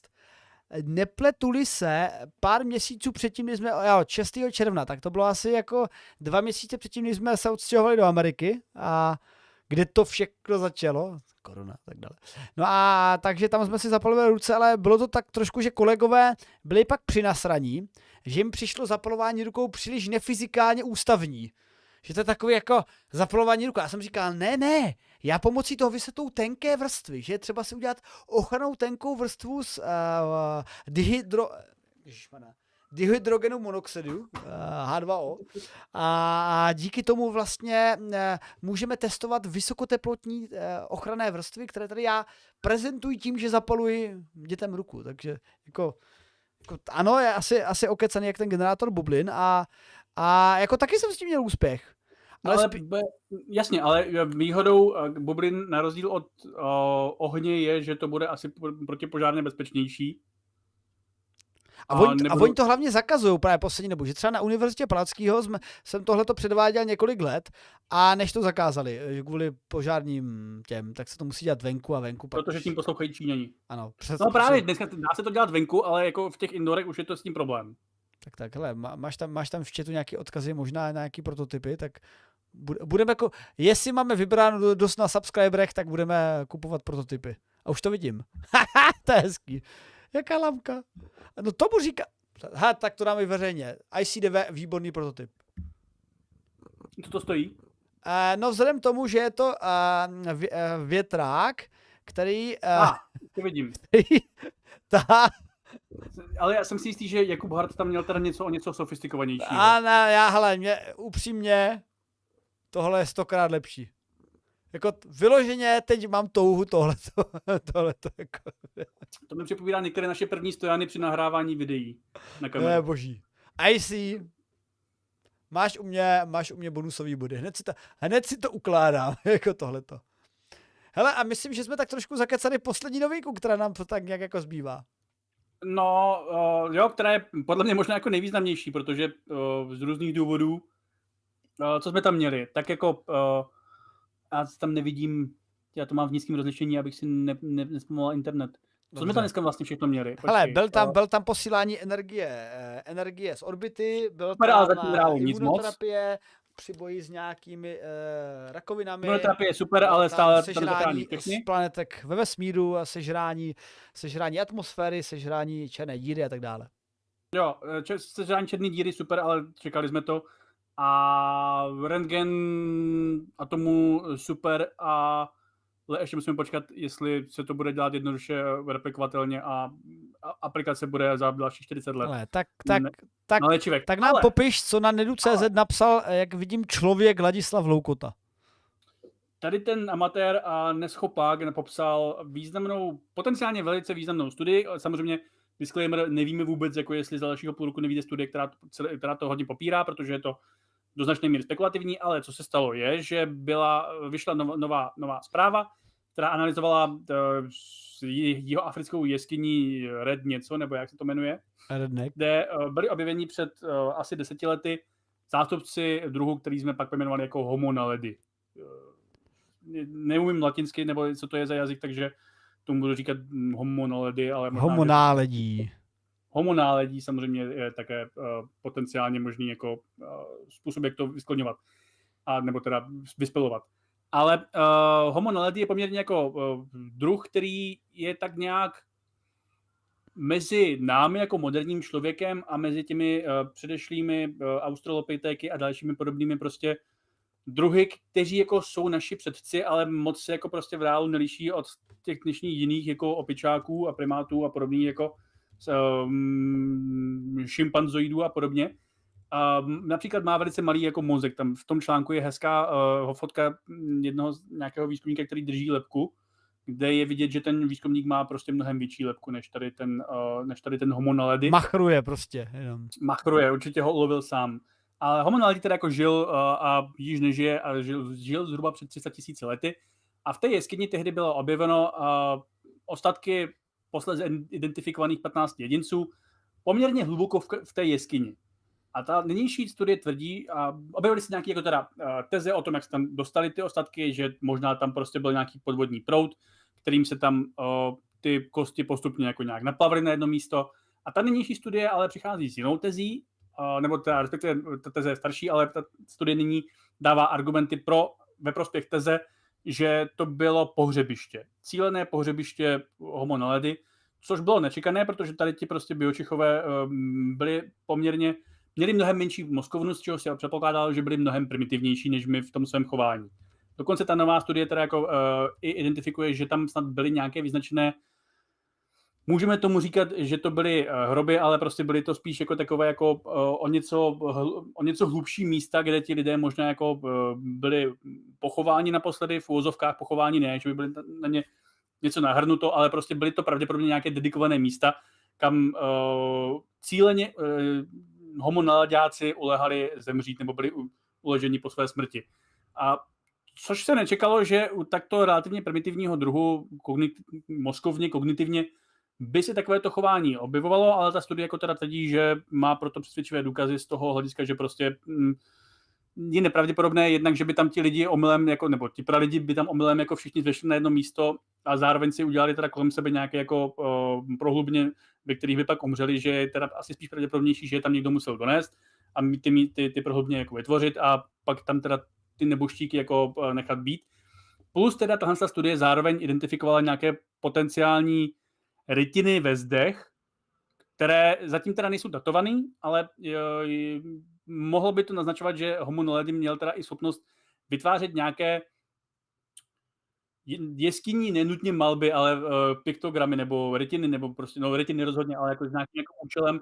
Pokud je to v tom jejich místě pohřbívání, tak uh, by to asi jako mohlo být nějakým způsobem spojený a říkám, zatím to teda není datovaný ty retiny samotný, ale jelikož momentálně není jasné, že by tu jeskyni obýval nějaký jiný pozdější druh, nebo jako z našeho pohledu mladší druh, tak se předpokládá, že ty rytiny taky vytvořili homonaladiáci a obojí jsou zkrátka argumenty, protože my jsme doposud předpokládali, že pohřbívání jsme vynalezli my, uh, rituální a potažmo jako my dva. Uh, cože? Jako my dva. My dva jsme vynalezli pohřbívání a taky homo neandertálci vynalezli pohřbívání, naši uh, příbuzní. A uh, tady to jako přináší jako argument, že to možná, že to zase jako byl nějaký postupný možná proces a své mrtvé pohřbívali již homo naledy, což by naznačovalo, že my jsme to možná mohli od nich jako převzít nebo se inspirovat nebo okopírovat nebo něco a vylepšit to samozřejmě, jo. Ale naznačuje to, že i možná prostě uh, druh, který měl výrazně menší mozek, mohl vykazovat něco, co my už dneska označujeme za lidské chování. Jakože my si jako hodně pištíme tím, že máme ty, jako ty pohřby a to jako super, že si uvědomujeme to plnutí času, všichni jsme z toho strašně happy, ale jako je to něco zároveň prostě, co k našemu druhu patří, že mrtvé obvykle nesníme a nebo prostě jako nevyhodíme někam jako do řiti. Případy toho, že by to dělali nějaké jiné zvířecí druhy, existují, ale jsou spíš zatím anekdotické, jako že se tvrdí, že snad jako mm-hmm. sloni mají nějaké eh, vztahy k ostatkům, ale mm, pořád za tím sloni jako prostě nemají ty jaderné bomby, takže uh, se to u nich tak moc jako nestuduje. A, a tím více méně jako končíme, až nějaký jako možná potenciálně jako pokročilý savci taky, ale jako zkrátka pohřbívání je něco jako hodně atypického v přírodě, a mm, zdá se, že jako by mohl být argument, že Homo naladi jako s tím přišel jako první, nebo minimálně z těch, z těch um, uh, našich příbuzných, o kterých víme. Je pak samozřejmě možný, že s tím přišel ještě někdo jako před nima, ale zatím jako jsme ještě nevyhrabali. A to by jako potenciálně mohlo přinášet jako velké změny nebo velké informace, nebo relativně velké, uh, upravující teze do evoluce našeho druhu a do evoluce naší kognice pokud, se ukázalo, že prostě, pokud by se ukázalo, že ty další studie, které by přišly, by to potvrdili a nevyvrátili v budoucích prostě měsících a letech, pokud by se ukázalo, že prostě Homo naledi byl schopný dělat něco, jako jsou pohřby, ještě před námi s mnohem menším mozkem, tak by to naznačovalo, že prostě my zase jako nejsme tak super a že i druhy, které mají menší mozky a menší kognitivní schopnosti, mohou něco takového uh, mohou něco takového také spáchat. Což jako je trochu podobný, jako když se uh, objevila ta informace, že lidi do Evropy přišli o, nic, o, o, o asi 9000 let dřív. Jako není, jako, dobře, jako není to revoluční v tom smyslu, že Ježíši Kristi to jsme nečekali, uh, lidi to byli ještě předtím, než vznikli, nebo něco takového, jako, co by to úplně jako změnilo, ad absurdum, ale je to dost významný potenciálně uh, úprava příběhu našeho vzniku. Mm-hmm. Tak uh, jak jsi mluvil o těch dalších živočišních druzích, tak já si jako pamatuju, že jak, jak jsi říkal o těch slonech, že se vždycky tak jako o, přijdou ke svému zemřelému a pak tam na něho pokladají choboty. Pardon, jsou z toho celý smutní, ale úplně jako nevidíme, že by pak jako vzal slon rýč, udělal díru a na, nakopal tam další mrtvého slona a pak jako tam dali kytičky. A v tomto případě v tom nálezu z té jeskyni, já bych to doplnil i o ty komplexnější věci kolem toho pohřbívání, jakože OK, akt pohřbívání zní komplexně, ale jako proč zní komplexně? Protože ono je to jako v jeskyni, vy tam musíte vykopat díru, takže musíte vykopat díru nějakým nástrojem a v té eh, jeskyni je tma jak v prdeli, takže musíte jako tam začít svítit. A, a obecně u homonaledy se jako předpokládalo, že nějak třeba fungovali s ohněm, ale který byl spíš jako přinesený, někde tam třeba začal jako venku hořet, eh, po úderu bleskem, tak jako to pak udržovali, ale eh, tohle už mluví o nějakém jako mm, komplexnější záležitosti a v chatu jsem viděl pár vtipků na to, že na, na ledi padali z náledí do děr, ale tam jde vidět to, že byli uloženi. Oni byli všichni v té prenatální poloze, takže tam byli zjevně uloženi svými, svými kamošema. A, v kontextu, že jak tady vidíte na obrázku, jakože jejich mozkovna byla zhruba poloviční nebo něco, vlastně velikost pomeranče tam popisují v rámci klasických uh, anglosaských Bylo to hodně, hodně malých fábí. Ano. Hodně prostě, angličáků fábí. Prostě bylo to několik angličáků fábí v průměru.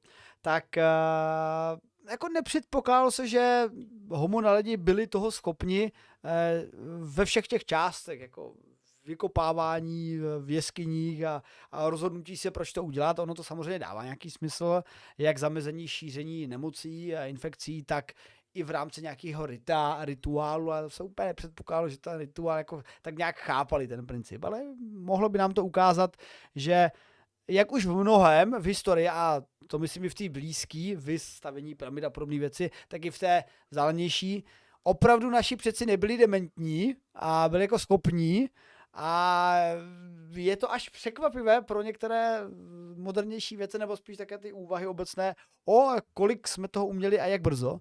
Vy třeba i to, že se ukázalo, že třeba s těma neutrálcama také to nebylo, že jsme nefungovali a nekooperovali, ale nakonec se ukázalo, že jsme tady sto, stovky tisíc let vedle sebe fungovali, křížili ne, ne, se. Asi, asi, asi 12 tisíc let nebo kolik. A aj víc, víc, hele, podle té poslední novinky, eh, to tam bylo, tam snad se baví už o desítkách tisíc let, protože tam ne, byla... Teda, lidi přišli 54 tisíc, a aspoň momentálně, mm-hmm. do Evropy a neandertálci zmizeli 40 tisíc. Takže 14 pravděpodobně. No, což, je víc než bylo, což je víc než 4, které se očekával, o kterých jsem mluvil do loňského roku. A to, má tam pocit, že to bylo trošku víc, ale necháme to být, necháme to být. Klidně musíme najít starý článek, aby jsme si to potvrdili.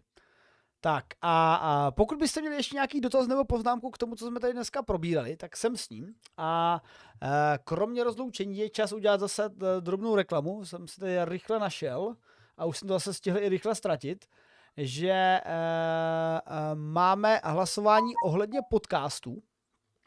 Pokud byste nám chtěli přispět a hlasem, sala zdarma hlasem do soutěže podcast roku, ve které ani vůbec nevím, o co se hraje, ale může to být prdel, může to být prdel, se tam. Ale myslím, že už se zrušilo hlasování, ne? Fakt? Ne. No, myslím, že skoro určitě, vzhledem tomu, že se ve čtvrtek vyhlašují výsledky. Podcast roku, počkat.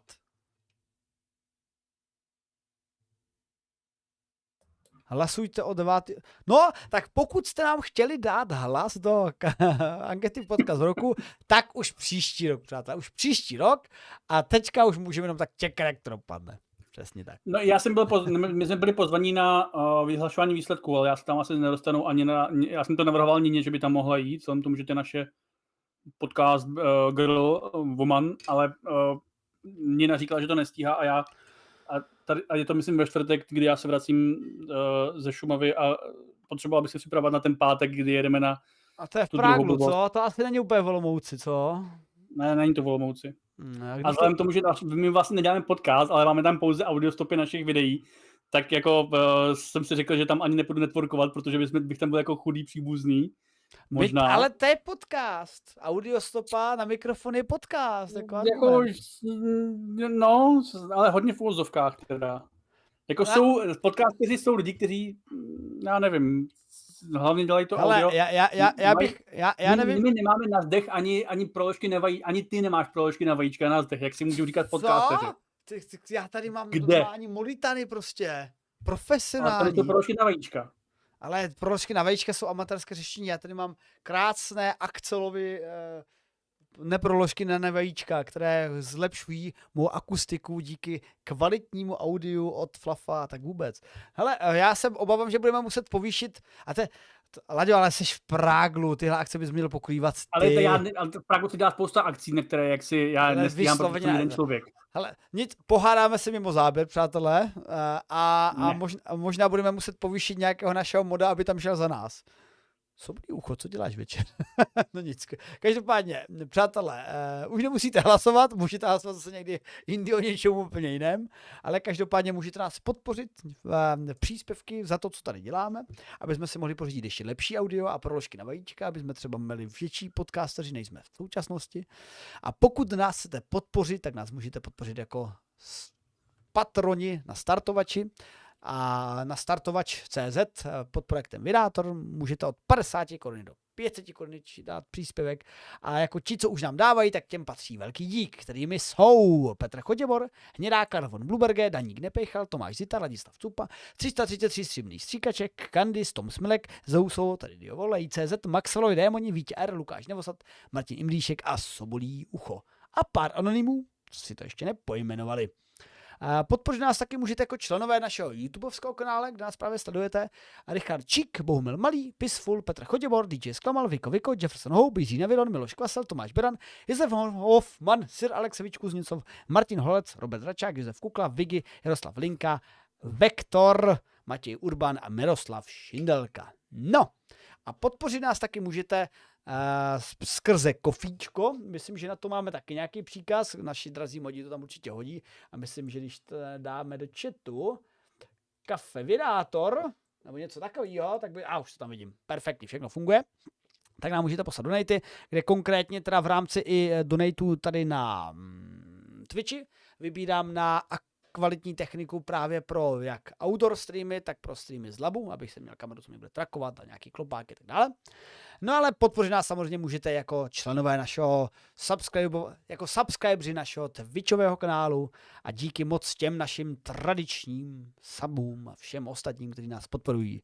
Takže zdravíme a děkujeme tím moc Gandhi 42, Sobolí ucho, Uvaga Boreček, Meldas, Martin Fenry, Mr. Martin Rota, Pleti Plot, Izabela Rosák, Tiberu 47, Jan Otradovec, Automaniak, Sever Bžunda, Lamris CZ, Stefy třetí veliký, HVV, 333 stříbrných hortý, Sandra Salzman, Luciv, Chremeon, Ušák CZ, Lenza, Pouštní ružička, Ovce na zabití, Nalák 77, John Tech 65, Šťastný luk, Ertl Monoplano 82, Trape, Katixis, Botlík, Utrox, Utro, Ultrodius, pardon, Sweet Nightmare 89, McCracken, Tonna Mikasa, Mara Papák, John K3, Grizzly 007 CZ, Kora 79, Mishpoul, Viper 1 CZ, Petroby, Benny Beneš, Ramp 83, Dapton, Predator, Panda Katy, Igor Navara 01, MMTM, Lietající lietadlo, Lucky Valiant, Hinkins, Flavcez, Rudin 1 a díky taky Trejbovi za mnoho darovaných subů na tomto kanále a Chmeldasovi, který jsem mrsknul svých obvyklých krásně tradičních 50 bytíků. Tak a co se týče akcí, které budeme osobně, veřejně a fyzicky, tak jenom doplním, že, že, že to tady už ta stránka se ztratila, vy si na Facebooku, tak už se nám blíží olomoucké aktivity, tak pokud budete v Olomouci, tak je to pozítří na pevnosti poznání, mám přednášku, kterou si střihnu za Tondu, protože nakonec nebudeme posílat Tondu do Olomouce, když se ty nakonec jsem tady v Olomouci já, takže tu si střihnu já a bude ohledně konspirací a e, tak nějak mediálního šíření těch konspirací. No a v pátek bude, e, jmenuje se to přírodovědský jarmark, kde teda nebude stanek vydátor, ale bude právě stárek, stanek upcrowd s nějakými experimenty, teda ne úplně se zapalováním rukou, protože to nemůžeme dělat, ne? ale něco takového tam bude dít a nějaký srandičky tam dělat budeme a bude, může tam přijít si pokecat, teda hodit tam čet a třeba budou mít nějaký placky vydátorský, než se mi zničí a rozbijou a tak všechno vůbec. Tak přátelé, toč tak nějak všechno. A Láďo, nějaká hluboká myšlenka na závěr? Já jsem chtěl celý večer udělat nějaký vtip na mikropenis, když jsme to měli spoustu mikroskopie a podobně, ale žádný mi nenapadlo. O, velmi smutné. Tak, a co a se týče dalších... Okay. A jinak, co se týče dalších akcí, tak pokud to klapne, přátelé, já to ještě nebudu zveřejňovat, já to ještě radši nebudu zveřejňovat, jinak to zakřiknu, už se, už se nám to zakřiknutí stalo, tak v pátek bude velmi zajímavý host na týdnu ve vědě. Snad to jde. A až, to, až se mi to potvrdí, tak to oznámíme. Haha, haha. Tak jo, přátelé, toč vše. Mějte se krásně, pište básně, hodíme někam rejda, podíváme se kam. Flafovi se nedá hodit rejda, protože Flaf to má zablokovaný. Flav je... Hmm, prostě nás zablokoval. Vše, všechno nás zablokoval. A vidím, tady máme samozřejmě Patrik, který streamuje. Vždy, jak to, že streamuje Dino Dodo? Co se opovažou lézt tak brzo do, na, na Twitch? Kdo? Ale nic, to, to ani neznáš ten koncept, prosím tě. Tak, tak. Tak, přátelé, pošleme vás k Patrikovi. Poprosím mody, ať to tam hodí, dejte k Patrikovi a my se s vámi loučíme. Přejeme vám krásný a úspěšný zbytek týdne. A třeba v, pří, v průběhu týdne na, mám, mám teď nedostreamovaný Star Warsy, už, už nějak, určitě jsou tady nějaké stížnosti a měl bych tady zase číst komiksy, takže hurá do toho. Půl bude hotovo a já se musím připravovat vlastně i na tu přednášku. No a Laďo, ty ne, neodcházej. Vyřešíme ještě ten podcast.